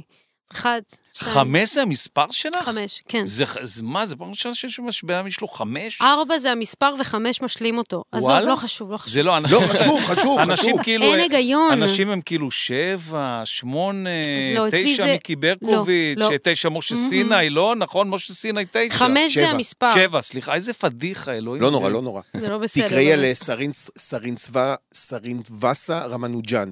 אה, מתמטיקאי הודי, יש לו תיאוריה מדהימה על אנשים ואירועים שהם מספרים, אבל זה שיעורי אני, בית שלך. אני אשמח, לק- אה, אני- תזכיר לי אחרי זה את השם, כי אני אני לא אשלח לך אזכור. בקבוצה מאמר, אה, אה, תיאוריות מדהימות. אה, תשלח. הוא, לא, הוא, אני לא הוא בקבוצה. דימה, הוא דימה אה, אנשים כמספרים. תכף תהיי בקבוצה, יש לנו קבוצה שאנחנו, אחרי שאנחנו כן. מקליטים, יש. אנחנו פותחים קבוצה שנקראת שתפו בכל הכוח, ואז אנחנו יאללה. אוכלים לכולם את לא. הראש, תשתפו סרטים. אולי לא משנה. תשתפו אני אחפש. את לבד את המאמר. תשתפו את הסרטים, תשתפו את הסרטון הקידום, תשתפו את. הסרטון הקידום. עכשיו, אני אובססיבי, אז אני כן. כל שלוש דקות, לא, פעם את- שנייה שאתה אומר את זה, לא את יכול תמצאי להיות. את עצמך, הופך את הקבוצה הזאת השתקת. הכוח. השתק ממושתק. תמיד. זה לא עוזר ההשתק הזה, למי זה עוזר? לא עוזר. למישהו זה עוזר לא. ההשתק? לא, זה שטויות. אי אפשר להשתיק. אבל אה, כן, בכל מקרה, זה... אז הוא בדיוק תפס אותי עכשיו שאני מחפשת חרוז למשהו, וזה צריך להיות במשמעות מאוד מסוימת, זה שיר על דימוי גוף, שאני שונאת את הגוף שלי פשוט. אז אני מנסה וואלה? לאהוב אותו. כן, אני מנסה לאהוב אותו, וזה כזה שיר על זה. ובדיוק באתי משם, אז אני כאילו, הוא מדבר ואני לא מקשיבה לו. אבל עכשיו אני מקשיבה. יש. עכשיו אני זה, זה מדהים שכולנו עוברים את אותו טיפול, על לאהוב, את עצמך, לאהוב את הגוף שלך.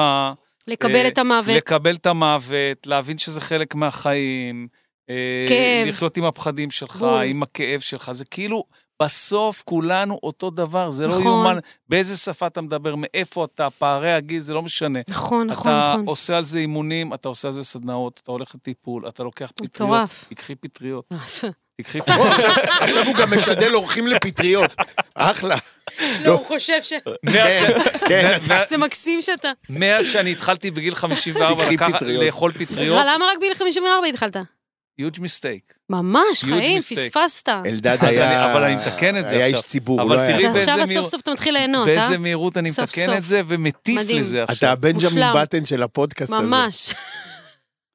נו, אילי, אז ספרי קצת על איזה היצירה שלך. יופי. אה, מה, כאילו, פיזית, טכנית, איך אני יוצרת? או מה... מה מה- סוג מה את המוזיקה, מה את כותבת, מה- מה את שרה, על מה את מנגנת, עם מי ואיפה, ואת יודעת. וואי, לא, זה תקדמי לא את ל- עצמך. לא כאילו ל- שתהיי זמן סולד כל אאוט כך. והשירה נורא. ש- אנחנו יכולים לצמצם את זה קצת. בוא נצמצם את זה רגע, בוא... אני אעזור לך. כן. אה, ג'ני הופיעה לפני אה, שבועיים או שלושה. זה היה, אני בברבי, לא טועה, בברבי. נכון. נכון. והיה סופר כיף וסופר מגניב. איזה כיף. והחברים של ג'ני הם הכי מגניבים בעולם. אתה חברים שלי. אני מהחברים שלך? כן. וואי, כיף. אני אומר לך יפה. כן. אה, וואי, וואי. אני רוצה להיות מהחברים של ג'ני. אנחנו נהיה חברים של החברים של ג'ני. אמ, והיו אורחים מאוד מגניבים, כמו אה, טדי נגוסה. נגוסה. נגוסה, סליחה. אה, ומיכאל כהן. הוא גדול, הוא גדול. הוא מדהים, ומיכאל כהן. אה, שהוא בכלל... בחור אה, אתיופי, אלדד. מי, טדי נגוסה? כן, את. מכירה אותו? מכירה. אני מכיר את אה, יום שישי שעה שלוש. מדהים. הוא מדהים והוא מוכשר. אה, אולי אפילו נצליח להביא אותו לכאן מתישהו, אנחנו. נדבר איתו. יאללה. אה, והמיכאל כהן, שהוא כמובן האבא של כל התרבות. הזאת. והייתה סוזומה, שהיא גם מדהימה והיא גם עובדת על אלבום והיא גם תגיע לכאן. וכמובן כל שאר הנגנים המוכשרים שלך, שאני לא זוכר לגמרי את שמם. תום פולג על תופים, אלון כרמלי על בס ומחשב, ג'ו מלניקוב על אה, חליל, חליל הקסם. ו... הוא מדהים אגב, גם בתדר חליל, לפני. מדהים, מדהים. עכשיו, גם לפני כמה. ימים הופענו בתדר, גם באירוע של הארץ, וזה היה גם, איזה כיף, באמת שאני, כאילו, אנשים שאיתי כל הדרך, ה- ברמה האנושית, רגע, עזבו מוזיקה וזה, שאני חושבת שהם הכי טובים, אבל זה עניין של טעם, אבל אנושית, אני חושבת שזה... איזה אנשים. מדהים, איזה והבגדים זכות, שלכם שיעל. שאולסקי עיצבה, אז והכל לא, נראה זה סופר רק, טוב. היא הכינה לי ספציפית, תפרה לי קימונו. כן, one of one, אני... one of one. מדהים. ואין עוד. כאלה. אז, אה, ב- ואני- אז במסגרת ההתמכרות שלי, שאני מספר עליה כבר כמה שבועות, כן? ידעתי שזה יגיע. על הקניות וינטג' שלי, אז קניתי קימונו של אדידס. לא, אתה חייב להביא לי אותו את. תקבלי, מה המידה שלך? מה? זה לא מידה, לא מה מידה? לא, זה. מידה, זה הולך לפי מידות. באמת? לא, כן. קימונו הוא פריסטייל. תביא לי, אקסל, תביא לי מדיום, מה שתביא מה לי. אקסל? את אקסל? אני אוהבת גדול. אז תקשיבי. בגדים. אני קניתי לארג', גם. וכשזה מגיע לארץ, שזה עוד כמה ימים, זה שלך מתנה. לא, לא מתנה, אבל אני אשמח להשאיל אותו. מתנה, וכשתרצי להשאיל לי חזרה חזרה, וזה שחור לבן, וזה. וינטג'. כל הכבוד, מדהים. אני לא הסכמתי להשאיל אותה, אני לובש שמלה. ביקשתי ממנו את זה, הוא לא... כן, זה. אני לובש שמלה כרגע. זה שמלה, זה לא חולצה, ואני גאה בשמלה הזאת. למה קמצן? תראה איזה יופי. קמצן. אני- אני לא משאיר לך את השמלה אני שלי. רק, אני רק מדמיין את הפלייליסט שיהיה במסיבה שלנו בתדר בעוד איזה זמן, ובא לי, אה, בא לי, ל, ל, ל, ל, לא יודע מה לעשות. שג'ני תנגן שם, אבל אני- היא לא יודעת. גם אני ג'ני תנגן. שם. בטח, גם ג'ני. תביאו גם את אוקיי, טדי. כן, עכשיו, אני רציתי לשאול אותך, אה, את למדת בברקלי, כן, ואת מאוד מאוד מוכשרת באופן כללי. תודה. ואני אמשיך להגיד את זה כנראה עוד כמה פעמים גם. תמשיך, זה לא, אה, זה יוצא מהאוזן השנייה גם ככה. אז כן, אה, תודה. ואת חברה בהרכב שנקרא מסוק, נכון. אה, ואת, אה, המוזיקה שלך בעצם חלקה באנגלית, חלקה בעברית, גם נכון. שמעתי שיתופי פעולה נוספים שעשית נכון. עם סאנבנד ועוד נכון, הרכבים נכון. מגניבים. אה, והפרויקט האחרון שהוצאת, כן. שאני אשמח תכף שתספרי עליו קצת גם, אה, זה הפרויקט הראשון שלך בעברית. נכון. אה, מה בעצם גרם לך לעשות את הסוויץ' הזה? מה, כאילו להפסיק לשיר באנגלית? לא הפסקתי. לא, אבל לא, חלילה. לא, אבל לעבור מאנגלית לעברית. פשוט, אוף, כל כך ארוך. אוקיי, אז אה, בעצם בקורונה נפל עליי איזה, איזה משהו, אני חושבת שהרבה אנשים קיבלו את זה, פתאום הם הבינו ש... אוקיי, פה אנחנו גרים, פה זה הבית, אין מה לחשוב. עכשיו, אולי אני אטוס לחו"ל, אולי לא, אולי אני אעשה טור, אולי לא, היה לנו, אמור להיות לנו טור עם מסוק, הוא התבטל ברגע האחרון. אמ, יש כל מיני דברים שהם כאילו, הם, כאילו זה קצת מצחיק, כאילו אני גרה פה, אני מדברת פה בעברית, חושבת בעברית, חולמת בעברית, וכל מיני ריקושטים מחברים שאמרו, וואי, וואי, כשתעשי את זה בעברית, מה יהיה? וואי, וואי, כשתעשי את זה בעברית. ואני כל פעם, אבל למה הם אומרים, כאילו, אנגלית זה השפה הכי עגולה, הכי יפה, כאילו, אני שומעת מוזיקה באנגלית, אני, אני אכתוב אותה באנגלית.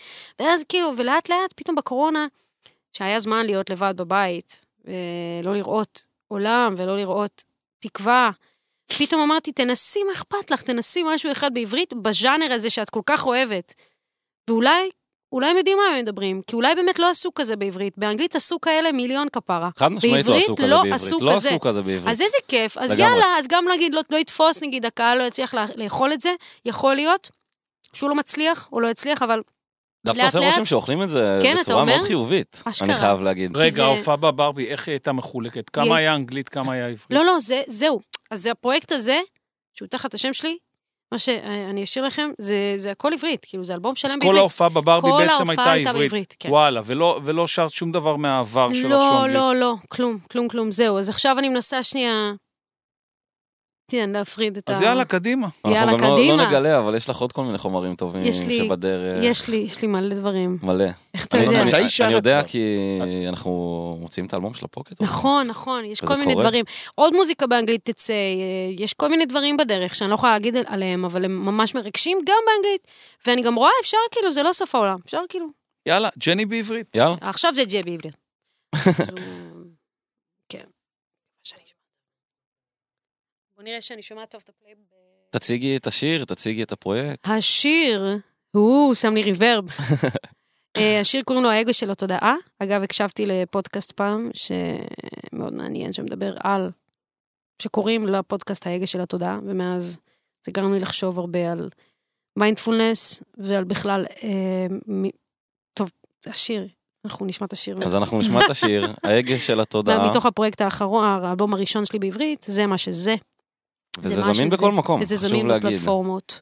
כל הפלטפורמות, חברים. מה שאתם אוהבים, מה שתרצו. אומרים שסיפוקים צריך לדחות, ואת הרגע גם צריך לחיות.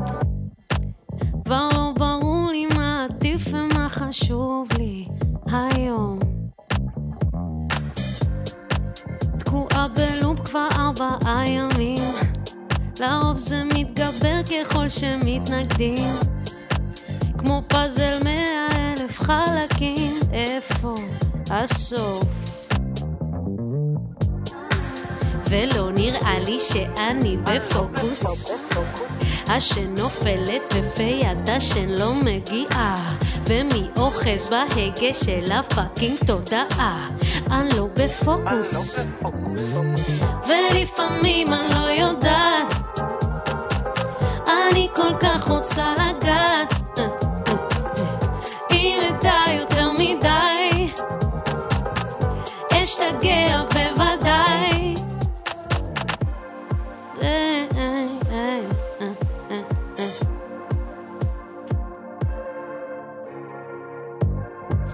תמיד אומרים לי שהכל זמני. הגעתי לשלב שבו אני לומדת לקבל הכל, זאת אומרת כמעט הכל, כמעט. אה, ולא נראה לי שאני בפוקוס. השן נופלת ופה ידה שלא מגיעה. ומי אוחז בהגה של הפאקינג תודעה? אני לא בפוקוס. ולפעמים אני לא יודעת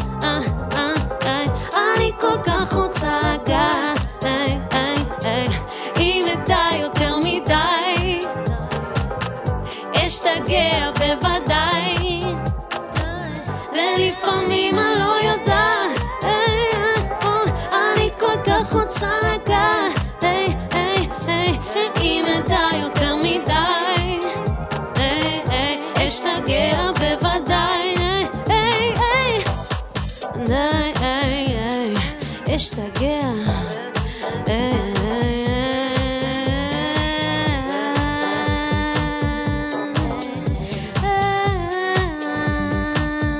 בוודאי. איזה מצחיק זה הרווחת את הקימונו. איזה כיף זה. האמת שכן, מאוד. הרווחת את הקימונו. הרווחת את הקימונו. לא, זה שווה, מה. יש. תודה כיף. רבה. איזה כיף זה שזה מוקלט גם, ואפשר לשמוע את זה תמיד, כל הזמן. oh my God, אני ו- מפחדת לשמוע את זה. וואי, זה יצא את מדהים. אני- כן, זה בסדר. אנחנו מסיימים, אני שומע את זה, כאילו. וזה הסוף, ותגובות, תודה רבה. ו- ומי שרוצה לעקוב אחרי ג'ני בכל עקבו הפלטפורמות, נא, עקבו. עקבו נא ולייקים, ולשתף אותה בכל הכוח, ותגובות אוי, לפרק תודה. הזה שלנו תודה כרגיל. רבה. לוואטסאפ שלי 0523-436-409. חבר'ה, הופעה שלי ב-26 ליוני בקולי עלמה, כולכם באים, כניסה חינם, יהיה טירוף. מדהים. רוני תודה, לילך תודה, איתי תודה, ג'ני תודה, אה, אילי, אילי, אילי תודה, אילי, ולכולכם, יאללה, רבה. מה המצב? תודה רבה.